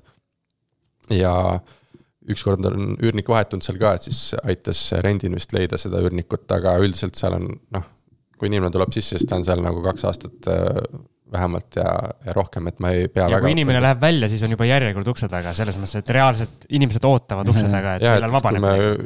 üles panime üürikuulutuse ja, ja noh, et esimest korda panin jah, sellise äh, kolm aastat tagasi mingi üheksa euroga, mis tundus nagu crazy olevat ja siis äh, tekkis esimese poole tunniga mingi kolmkümmend huvilist. siis vaatasid, et okei okay, et. odav, liiga odav. sai valesti hinnastatud ilmselgelt lowball-inud. et täna võib-olla võiks poole võrra tõsta juba tegelikult, aga. aga ise, ise nagu toimetan esimestega ja nüüd, kui Tartus valmis saab, siis ma kasutan ilmselt maakleri abi, et äh, Tartus on. räägi ise. ei taha ise käia, esiteks seal, teiseks äh, käid rongiga Tartus näitamas korterit näiteks? jah, ma arvan, et see on väga hea, hea. saab tööd teha. ajakulu. mulle, ma arvan, et maaklerid teevad head tööd, et kui sa tead head inimest nagu.... kuuled, Siim? ma arvan, et kui sa tead head inimest, teevad head tööd ja, ja kui me leiame hea lepingu lahenduse sinna alla, mis, kus on väike kindlustus ka juures, siis mulle iseenesest ei ole vahet, kas see on nagu, kas see peab rendileping olema või, või mingi muu leping, aga oluline on ju see funktsioon. Et, et meil oleks see leping korras, see oleks hea leping, teiseks oleks mingi kindlustus äh,, mingi hea lahendus võib-olla, kas, kuidas seda deposiiti hoida, et kas see kindlustas, kindlustab ära selle keegi või siis keegi maksab selle kui kontole, et mul nagu ei ole, ma ei ole nagu rom-, romantiliselt armunud mingisse ühte lahendusse, et mul lihtsalt peaks olema nagu hea leping. ma olen nagu laenudega hästi palju tegelenud, äh, laenu andmistega, et seal on nagu ainult lepingu taga kõik kinni, et ma nagu usun rohkem sellesse süsteemi või lahendusse, kui, kui, kui mingisse äh, plakatisse. kuna sa ilm-, oled enamasti ostnud nii-öelda uusarenduse kortereid, välja arvatud see esimene, ma saan aru, siis ilmselt sul ei ole mingeid väga huvitavaid lugusid äh, rääkida nii ostuprotsessist äh, või, või ikkagi selle ühe korteriga, selle Stalini aegsega oli ostu-müügiprotsessil mingit sai nalja ka? Äh, mul on ikka paar lugu rääkida no,, me räägime, et selles mõttes see ongi see kinnisvara võlu, et kas opereerida ise või kui palju seda äri teha, miks ma ei taha nagu neid kortereid, miks ma ei ole tahtnud nagu kümmet korterit endale portfelli võtta, ongi see, et, et, et ikkagi tuleb, isegi on uus arenduskorter, ikka tuleb mingi asi, noh, nii võtame selle. sa võid mulle kirjutada, ma aitan sul osta need kümme kõigepealt ja siis me lahendame sul kõik need mured ka ära, et sa ei pea ise tegelema. ja ma kaalun seda väga tõsiselt, et mul on see opereerimise mure on olnud, et kui selle lahendab ära, siis on nagu, siis on täitsa võimalik aga esimeses kohas siis põhimõtteliselt äh, alguses tegin asjad ise, aga sellest hetkest, kui välja üürima hakkasin, siis äh, maakler aitas ja, ja sai ka nii tehtud, et, et ma ise ei pidanud isegi kohal käima, vaid kui üürnik äh, lõpetas ära, maakler võttis võtmed vastu, tellisin koristuse ja siis uuele üürnikule andis ka maakler võtmed üle ja, ja kõik toimus nagu ilma minuta, aga sel hetkel, kui ma müü-, müüa otsustasin, siis äh, siis äh, olin ma saanud võtmed kätte kuskilt linna pealt ja, ja üürnik oli välja läinud ja ütles, et noh, et kõik on korras ja koristaja oli käinud, et kõik tundus nagu timiti olevat, hakkasin notarisse minema. Äh, või noh, eelmisel päeval mõtlesin, et tead, et noh, hommikul kümme notar, et ma käin sealt korterist korraks läbi, et lihtsalt vaatan üle, et kas nagu on kõik nii nagu noh, et sa pead ikkagi andma, kirjutama alla, et see on. olen tutvunud, olen teadlik. jah, et tean, kui on varjatud puudusi, mida iganes.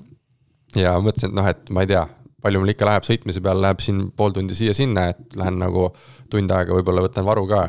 ja siis kell kaheksa hakkan minema, jõuan pool üheksa äh, korterisse, poolteist tundi notarini ja siis vaatan üles korrusele kõik korras, vaatan alla korrusele kõik korras, teen vannide ukse lahti, vaatan loik maas, mõtlen, kurat küll, kust see loik tuleb.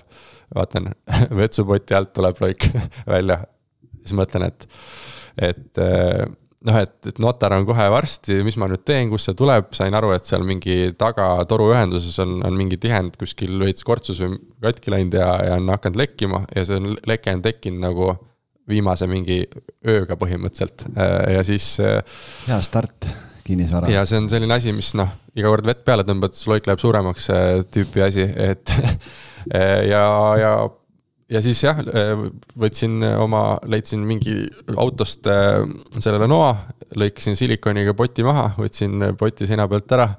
kuivatasin seal äh, seda asja, vaatasin, ongi mingi tihend äh, veidi muljuda saanud kuskil kiiresti sinnasamma kuhugi ehituspoodi. kiiresti otsisin, ostsin kolm tihendit, igaks juhuks ei tea, milline sobib, aga üks nendest kolmest ikka sobib.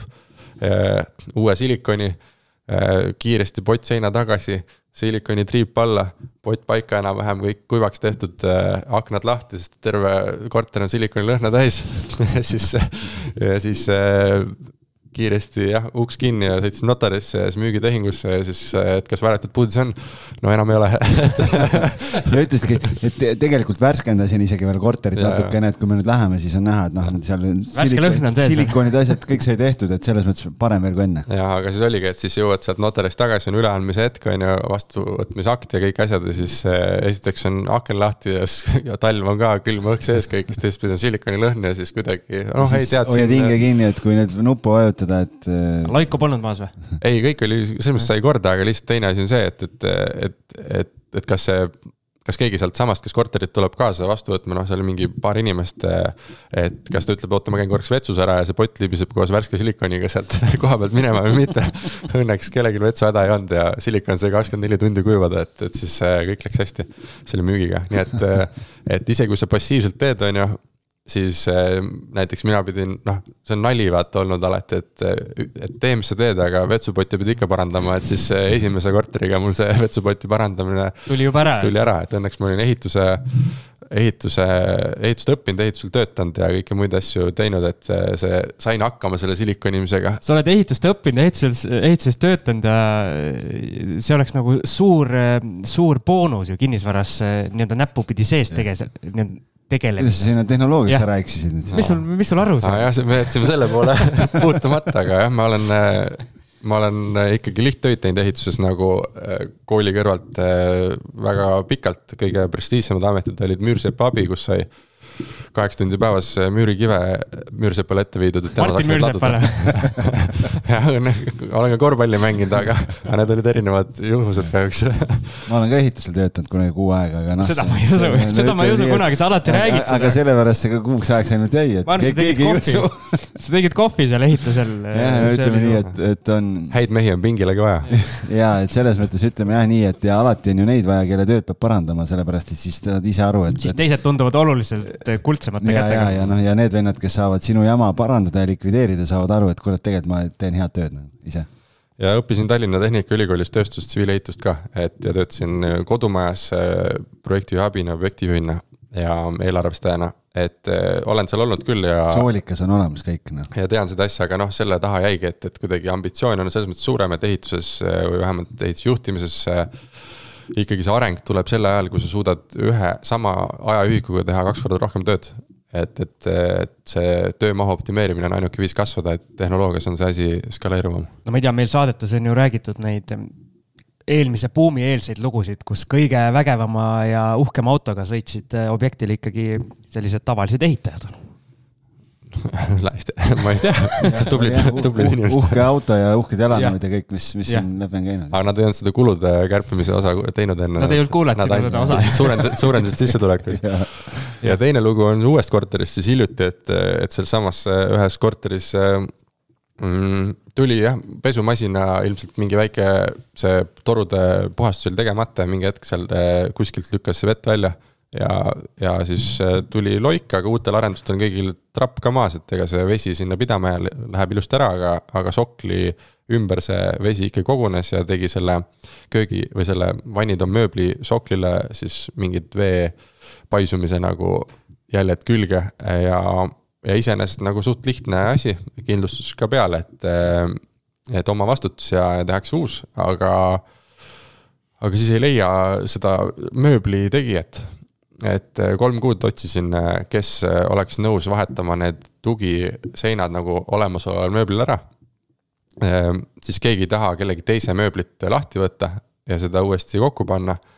uut mööblit ei taha kindlustust kinni maksta, sest et tunduvad, et kahjud ei ole nii suured. ja kokkuvõttes kolm kuud otsisin, see, kes selle mööbli kunagi pani, see ei vastanudki viiele kirjale ja telefonikõnele, et võib-olla oli vahepeal pankrotti läinud või ma ei teagi, mis juhtus, aga. tööd oli liiga palju tal. võib-olla, et see noh, ja teiseks ei taha nii väikseid töid ka keegi. kes vana teha. kliendiga ikka tahab suhteid hoida ja, ja tegeleda, et võtame ikka uued kogu aeg. just ja, ja uued ei, ei tahtnud kellegi teise tööd nagu ümber hakata tegema ja lõpuks äh, noh, kuna struktuurselt asi toimib, aga lihtsalt visuaalselt on kahju sees, siis pidingi leppima sellega, et kindlustust ei, ei kasuta ja see jääb nii, nagu on. ja, ja, ja tekibki selline amortisatsioon mingis mõttes sellele mööblile, mida võib-olla peab, mõjutab kunagi nagu hinda mingi kliendi jaoks, et kui on mingi väike puudus seal vaata, et näeb, ja kui neid asju hakkab tekkima ajapikku, siis. Et ka jah, uuel kinnisvaral, isegi operaator oleks mul olemas olnud selle jaoks, kes seda teeks, siis noh, ei leia lahendust, on ju, mõistliku hinnaga ja nii on ta praegu sellises faasis, ega ta midagi ei sega ja noh, ei ole nii suur asi, aga lihtsalt tahaks ju, et oleks äh, asi kogu aeg vinks-vonks. Siis tuleb, tuleb selline operaator või selline teenusepakkuja haldusfirma valida, kellel on kontaktid ja kes tegeleb sisustamisega ka nagu meie, et siis on kontaktid igal pool olemas. see on mingi reklaam, minutid tagant olevad kogu aeg. ma kuulasin ja kuulasin seda, mõtlesin, et noh, ma arvan, et see oleks saanud lahendatud seal. ja joon parasjagu lumiorava ette aga ei, täpselt, vaata, ma ütlengi, et ma ütlesin enne ka, et kui see opereerimise mure nagu laheneb, siis on äh, kinnisvaras see mingit, mingit pointi küll ja kinnisvara eelisena ma näen üldse seda niikuinii, et noh, et me räägime siin korteritest, aga noh, me kin-, ma ei räägi siin sellest, et ma ehitaks seda hakkaks ehitama siin üüriportfelli puhtalt nagu enda raha eest, et äh, üüri kinnisvara või üldse kinnisvara kõige suurem eelis on enamasti võimendus, kus saad odava, odavat äh, kapitali kasutada. Äh, siis see tootlus on hoopis teine, nii et kogu minu kinnisvara lugu on ikkagi puhtalt sõltuv nagu kodulaenu võimekusest et täna mul on kolm kodulaenu ja, ja selle najal on ka minu port-, portfell põhimõtteliselt selles noh, nii-öelda füüsilises kinnisvaras. ja kõik muud investeeringud, äh, mis ma olen nagu puhtalt omakapitali pealt teinud, ongi siis äh, kas arendusettevõtete osalustes, äh, kinnisvarafondides, mis omakorda kasutavad võimendust, mis mingis mõttes aitab kaasa, et hetkel ma olen või võimenduse taga kinni, et, et laiendam-, et laiendada, aga ma arvan, et või, võimendust saab leida, kui seda nagu otsida me täna, kui me seda pop-up stuudiot üles panime ja sind ootasime siia, siis Algisega arutasime ka natukene veidi nii-öelda sinu teemale ette mõeldes, et see on tegelikult no nagu Algis ütles, me ei anna nüüd mingit investeerimisega finantsnõu yeah., aga see on üks, üks täitsa nii-öelda rentaabel strateegia tegelikult. noore inimesena hakatigi mõtlema niimoodi, et kirjutada endale plaani sisse iga mingi aja tagant nii-öelda kodu vahetada, aga siis eelmine alles jätta ja selliselt need esimesed objektid portfelli võtta, et mitte nagu. no mina põhimõtteliselt alustasin samamoodi, aga minu jaoks oli see ka nagu juhus, et äh, oli kodu, liikusin edasi ja siis jätsin nagu alles, aga, aga selliselt võib nagu ka ju teadlikult seda nii-öelda ehitada. ja ei, ma olen absoluutselt nõus ja minu meelest äh, oma kodu üürida on nagu väga emotsionaalselt väga hea, sa tead, et see on hea asi, ma olen ise seal elanud äh, ja selle alles jätta ja eriti, kui kinnisvara hinnad kasvavad, siis ju müüa on, äh, ei ole alati hea mõte. et kui noh, kui ma oleks ükstapuha millise korteri müünud nagu maha äh, vahepeal, näiteks selle kesklinna korteri, siis ma oleks jäänud ilma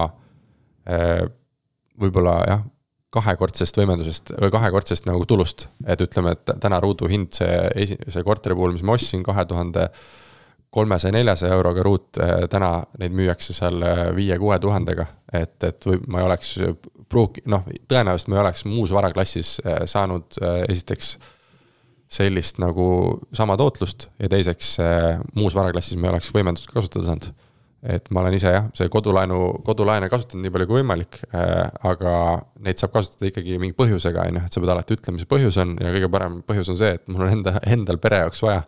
et kui sa hakkad seal mingi äriplaaniga minema kodulaenu võtma, siis ilmselt see ka välja ei tule, et see strateegia töötab ikkagi siis, kui sa suhteliselt tegelikult ka tahad nagu enda elamist vahetada. ja siis on erand case'e, kus sa ütled, et ma ostan lapsele teise linna korteris, tahab ülikooli minna ja, ja mingeid selliseid asju ka ja siis on veel, kui on peres naine ja mees ostavad veel eraldi, kasutavad kumbki veel eraldi kodulaenu, siis see on võimalus ära kasutada, on meil ka siin hiljuti just saadetest läbi käinud. et tegelikult jah, on neid, kes LHV käis, siis me küsisime nende käest, et see on nagu elevant toas. et noh, et keegi kolm kodulaenu või neli või viis, et me saame aru, et ühelgi inimesel ei ole vaja nii palju, aga nad ütlesid noh ma arvan, et täpselt umbes viis põhjust suudab leida ja, ja umbes viis, viis kodulaenu on nad nõus välja andma ühele inimesele. lapsele, emale, endale teine kodu on ju noh, mingid asjad, et juba ongi. mees ja naine kumbki veel ühe ja ongi viis tükki juba käes. just, just aga ma arvan, hakkame vaikselt lõpupoole tüürima selle, selle ja, saatega. mul üks küsimus. mul on ka paar küsimust veel, ega ma ei, nii enne, lihtsalt ei pääse mina tahan enne küsida. küsi.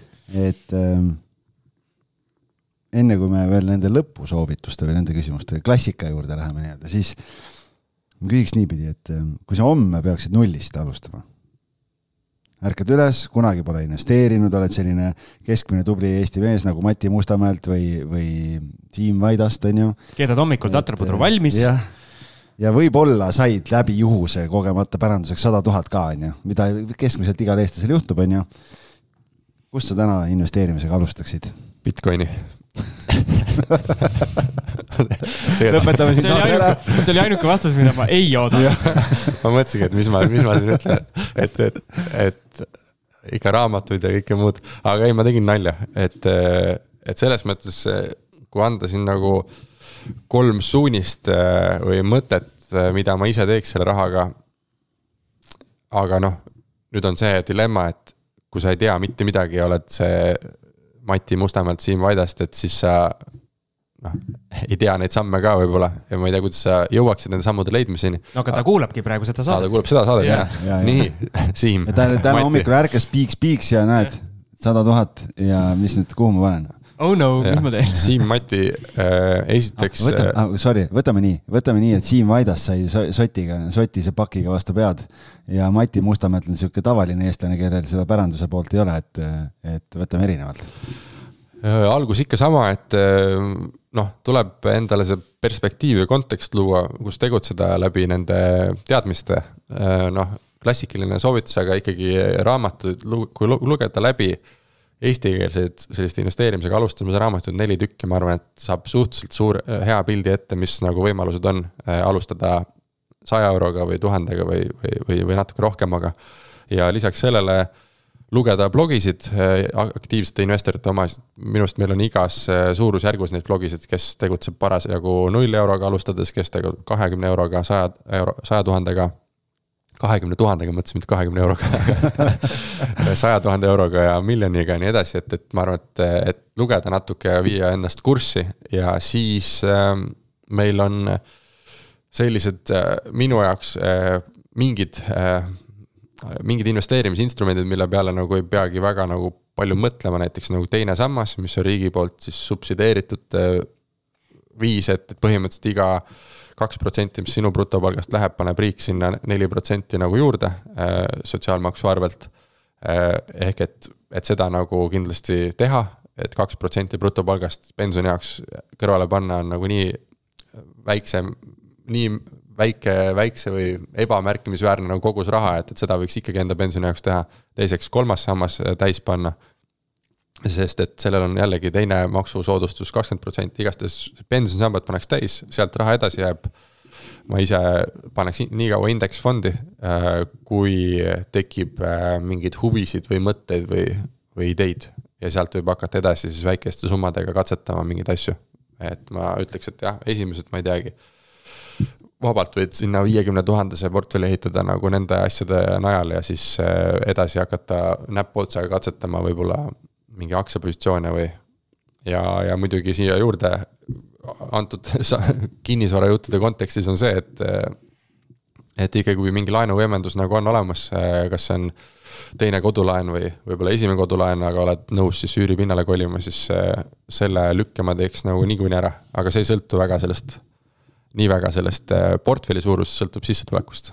et kui sissetulek olemas on, siis alati mingit, minu arust on patt jätta kodulaen võtmata nagu et inflatsioon saab selle laenumakse kümne aastaga nii väikseks, et, et selle raha eest ei saa nagu head korvitäit toitugi.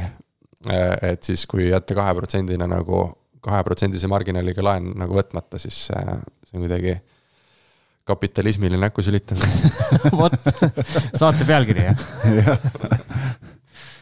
väga hea, kas sa tahad? said vastuse? sain vastuse, aitäh võimaluse eest, jah nüüd lähme nende legendaarsete lõpuküsimuste juurde, mis. ükski külaline ei pääse. ja, ja algise sõnul on need, on need tema välja mõeldud, aga ma selles osas veidi julgen kahelda.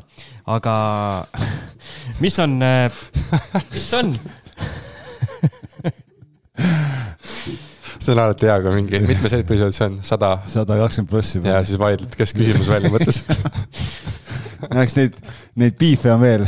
jah, see ei ole ainus Need ei tule alati igas saates välja, aga ühesõnaga, mis on äh, peamised õppetunnid, mida sa oma, oma teekonnast tahaksid jagada, mitte et sa juba peaaegu poolteist tundi oleksid neid õppetunde järjest meile jaganud, aga. võib-olla jäi midagi mainimata. ja kaks olulist õppetundi, mis ma olen nagu saanud äh, ja maksnud nende eest ka, ka kopsakat äh, raha, siis esimene. sul mõnda tasuta õppetundi pole okei, okei, vabandust. teistele on see nüüd tasuta, teistele on tasuta, jah teistele tasuta õppe. ei, vabandust, vabandust, räägi, räägi. on mingi huvitav teema, et tasuta õppetunnid. aga igastahes esimene suur õppetund eh, on, eh, on olnud, eh, ütleme, et üks õppetund on teiste inimeste järgi investeerimisotsuste tegemine. et meil liigub ringi ja noh, mina ka figureerin kuskil võib-olla meedias, võib-olla sotsiaalmeedias ja teen mingeid tehinguid. ja, ja, ja mina olen samamoodi, kui ma alustasin, olen jälginud teisi tüüpe, kes tunduvad jube edukad. ma juba keegi... tean, millest sa räägid ja ma räägin pärast oma loo siis. väga hea, siin tulebki kõik, kõik samastuvad, ma arvan ka, aga lihtsalt seda tuleb teadvustada.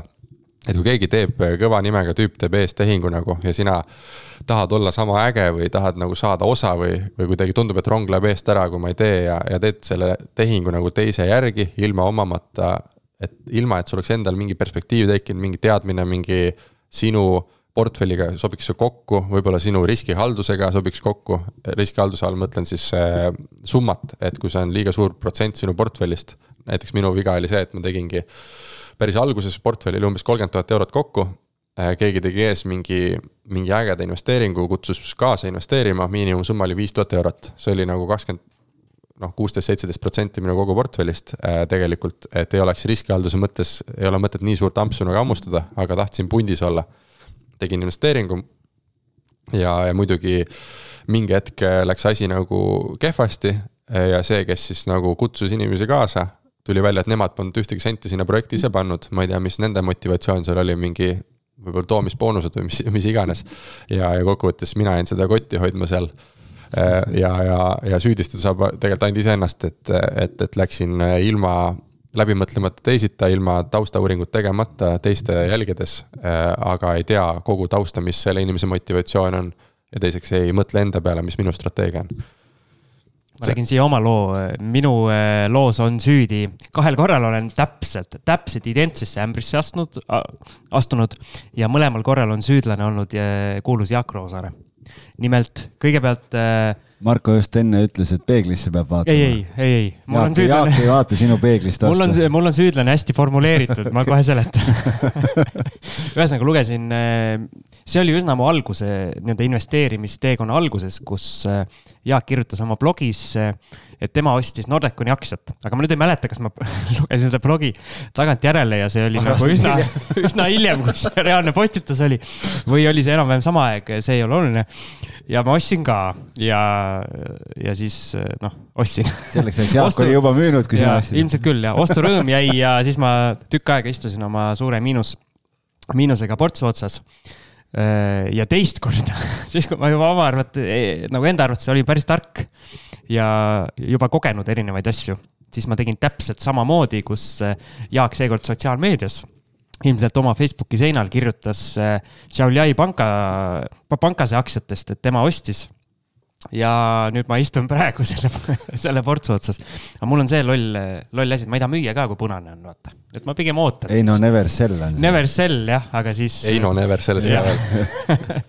vot ja siis ongi niimoodi, et ja see, see teine ämbrisse astumine oli veel nii loll, et ma teadsin et ma astun ämbrisse. aga ma vist äh, ootasin autos mingit, mul oli aega natukene, ma pidin kuskile minema ja mul oli a la mingi viis minutit aega, scroll isin. vaatasin, ahah, kirjutab, no täitsa mõistlik tekst, on ju. on no davai, ma ostan siis. ja noh, läks nagu, läks nagu alati. tervitame Jaaku ühesõnaga üsna traditsioonilised äh, nii-öelda ämbrid on ju. ja, et see on üks asi ja seda noh, kuna nii palju alustab ka praegu, eks meil see noh, ja on alustanud, et siis seda üle rääkida on väga pädev nagu või, või väga kohustundlik, et ma iseenda puhul ka, et kui ma siin jagan mingeid investeeringuid, ma loodan, et, et kõik siis ütle, ei tee nagu nii, nagu ma seal ise teen, et, et ikka võib-olla küsivad juurde, et miks ma seda tegin ja, ja võib-olla saavad rohkem teadmisi, mitte. et äkki Marko teeb häid tehinguid, siis ma teen ka. Et ma ei taha, et keegi mind hakkaks podcast'is mainima niimoodi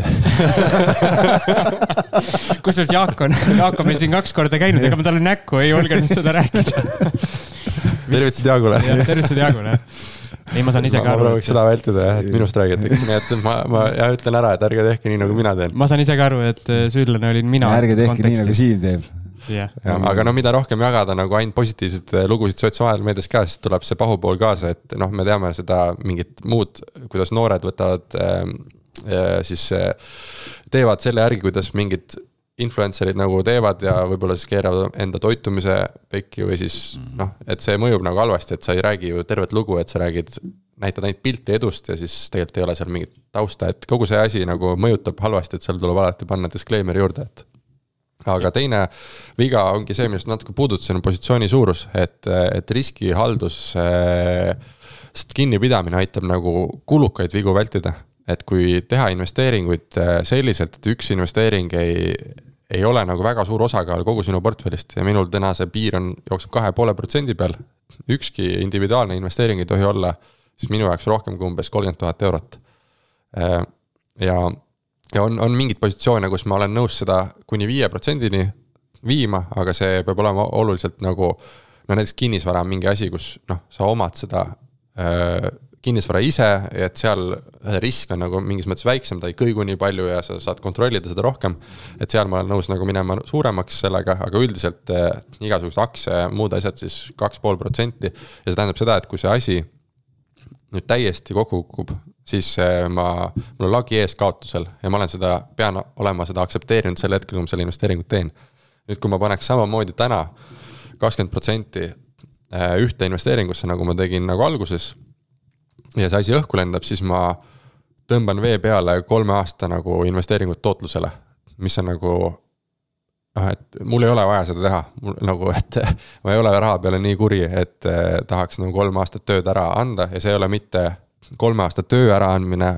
Minevikust, vaid see on ka see, et, et sa järgmised kolm aastat pead sedasama tööd uuesti tegema, kokku kaotad kuus aastat oma investeerimisteekonna nagu tootluses või, või milleski, et selles mõttes eh, tuleb positsiooni suurusi nagu hoida äh, proportsioonis nagu portfelliga ja jälgida. Ja siin niimoodi ongi, et siis, äh, siis saadki õppetunde, aga võib-olla mitte nii kulukaid, ma ei tea, kas päris tasuta, aga, aga vähemalt odavamaid aga oled sa nõus, et äh, nii-öelda algajal investoril on kohati võib-olla natukene keeruline seda, seda sinu teist reeglit järgida, eriti nii-öelda kinnisvaras, eks, kus on summad suured, oletame, sul on ongi, ostad esimest äh, nii-öelda üürikorterit, sul äh, muud portfelli väga ei ole, siis äh, nii-öelda osakaal, mis sa sisse paned, on ikkagi väga suur.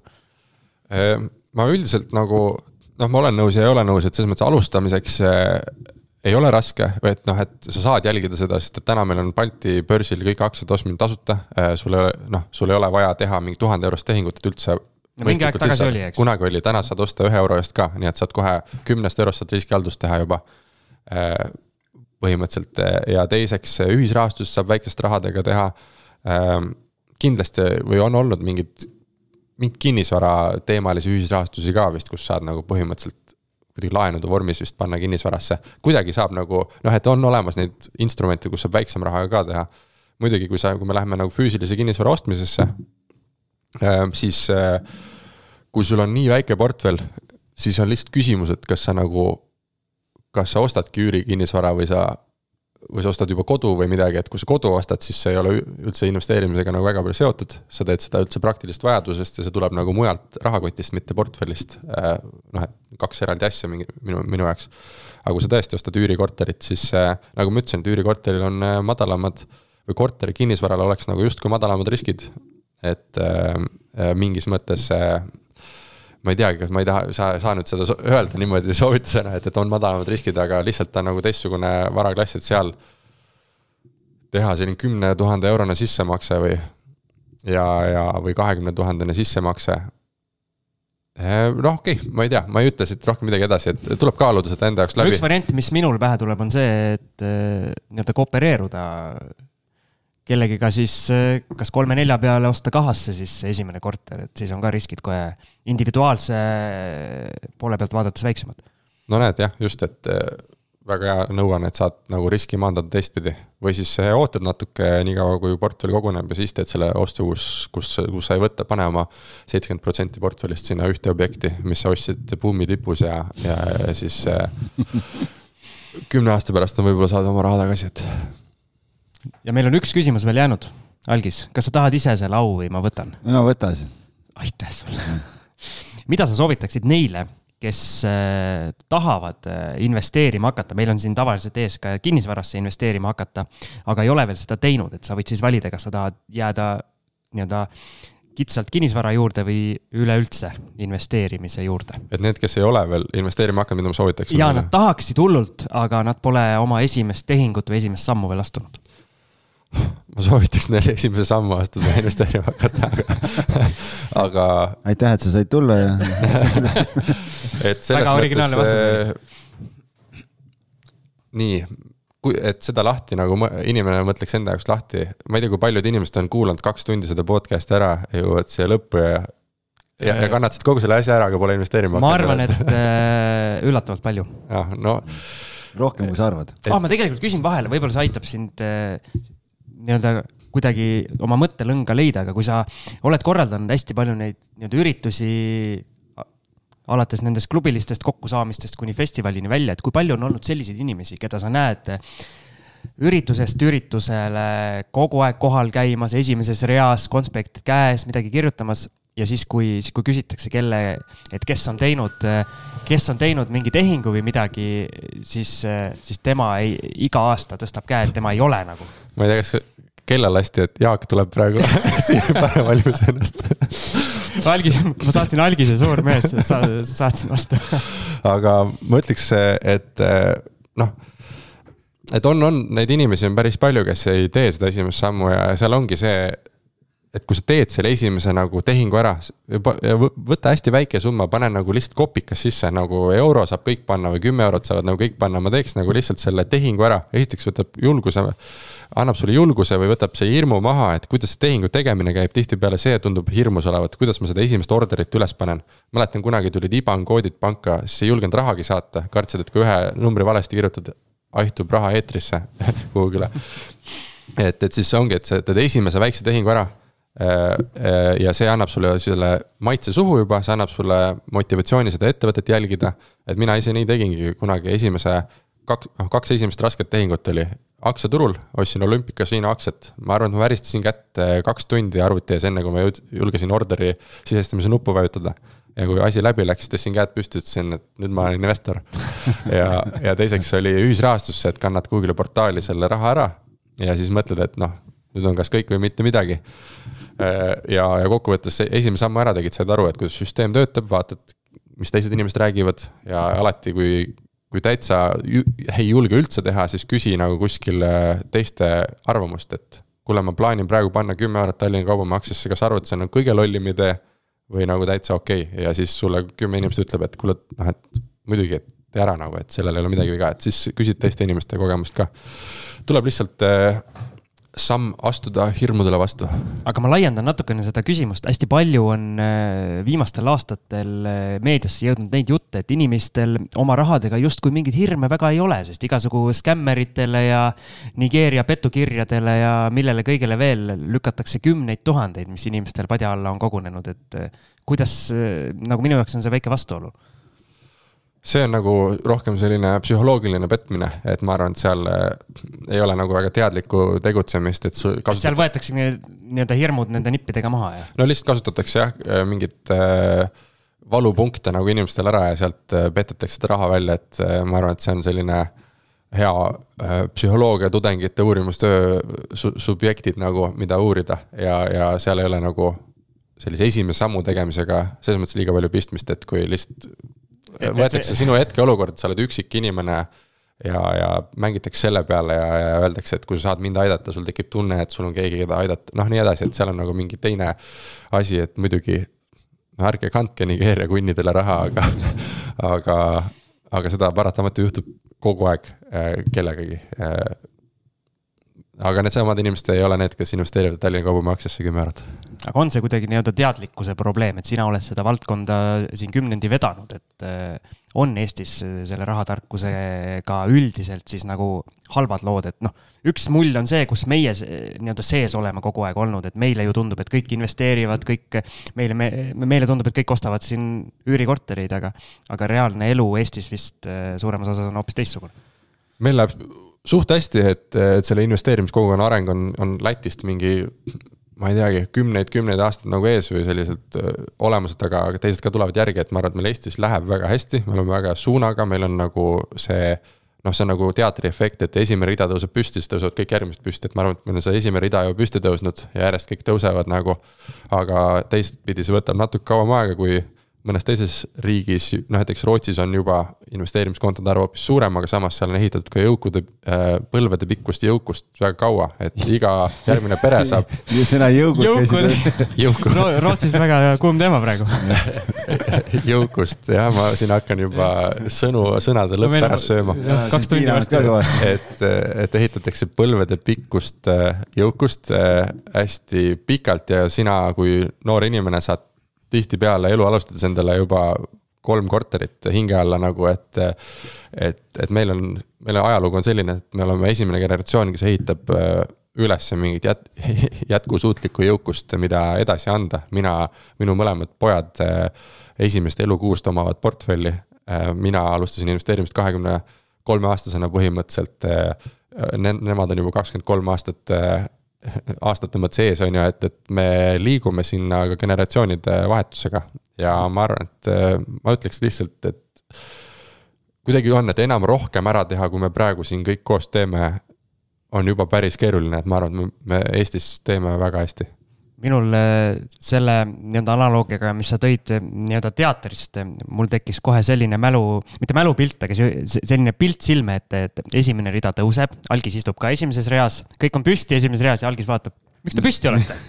Aitäh sulle, jah, väga hea. mulle tuleb selline näide, et esimene rida tõusis püsti aga vaatad, algise koht on tühi, kus algis on, algis läks, algis läks Läks Jaak Roosaret uksest sisse laskma, sest Jaak tuli Siimu otsima.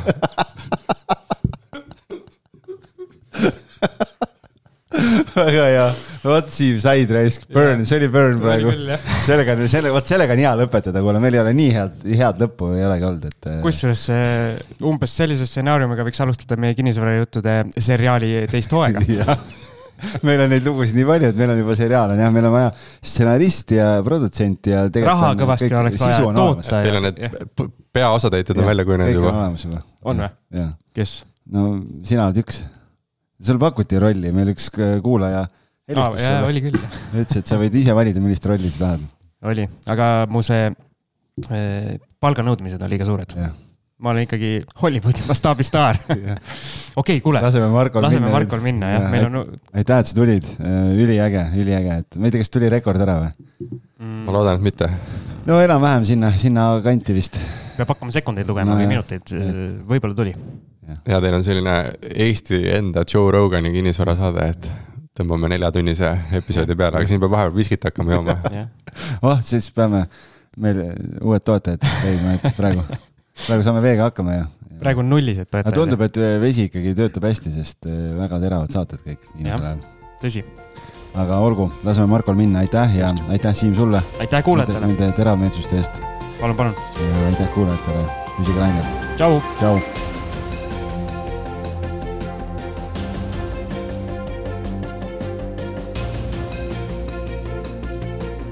kinnisvaramaaklerite konverents Parim maakler, sinu äri kasv algab siit neljateistkümnendal ja viieteistkümnendal aprillil Tallinnas. kaks päeva, kuusteist esinejat. tule kohale ja õpi praktikutelt.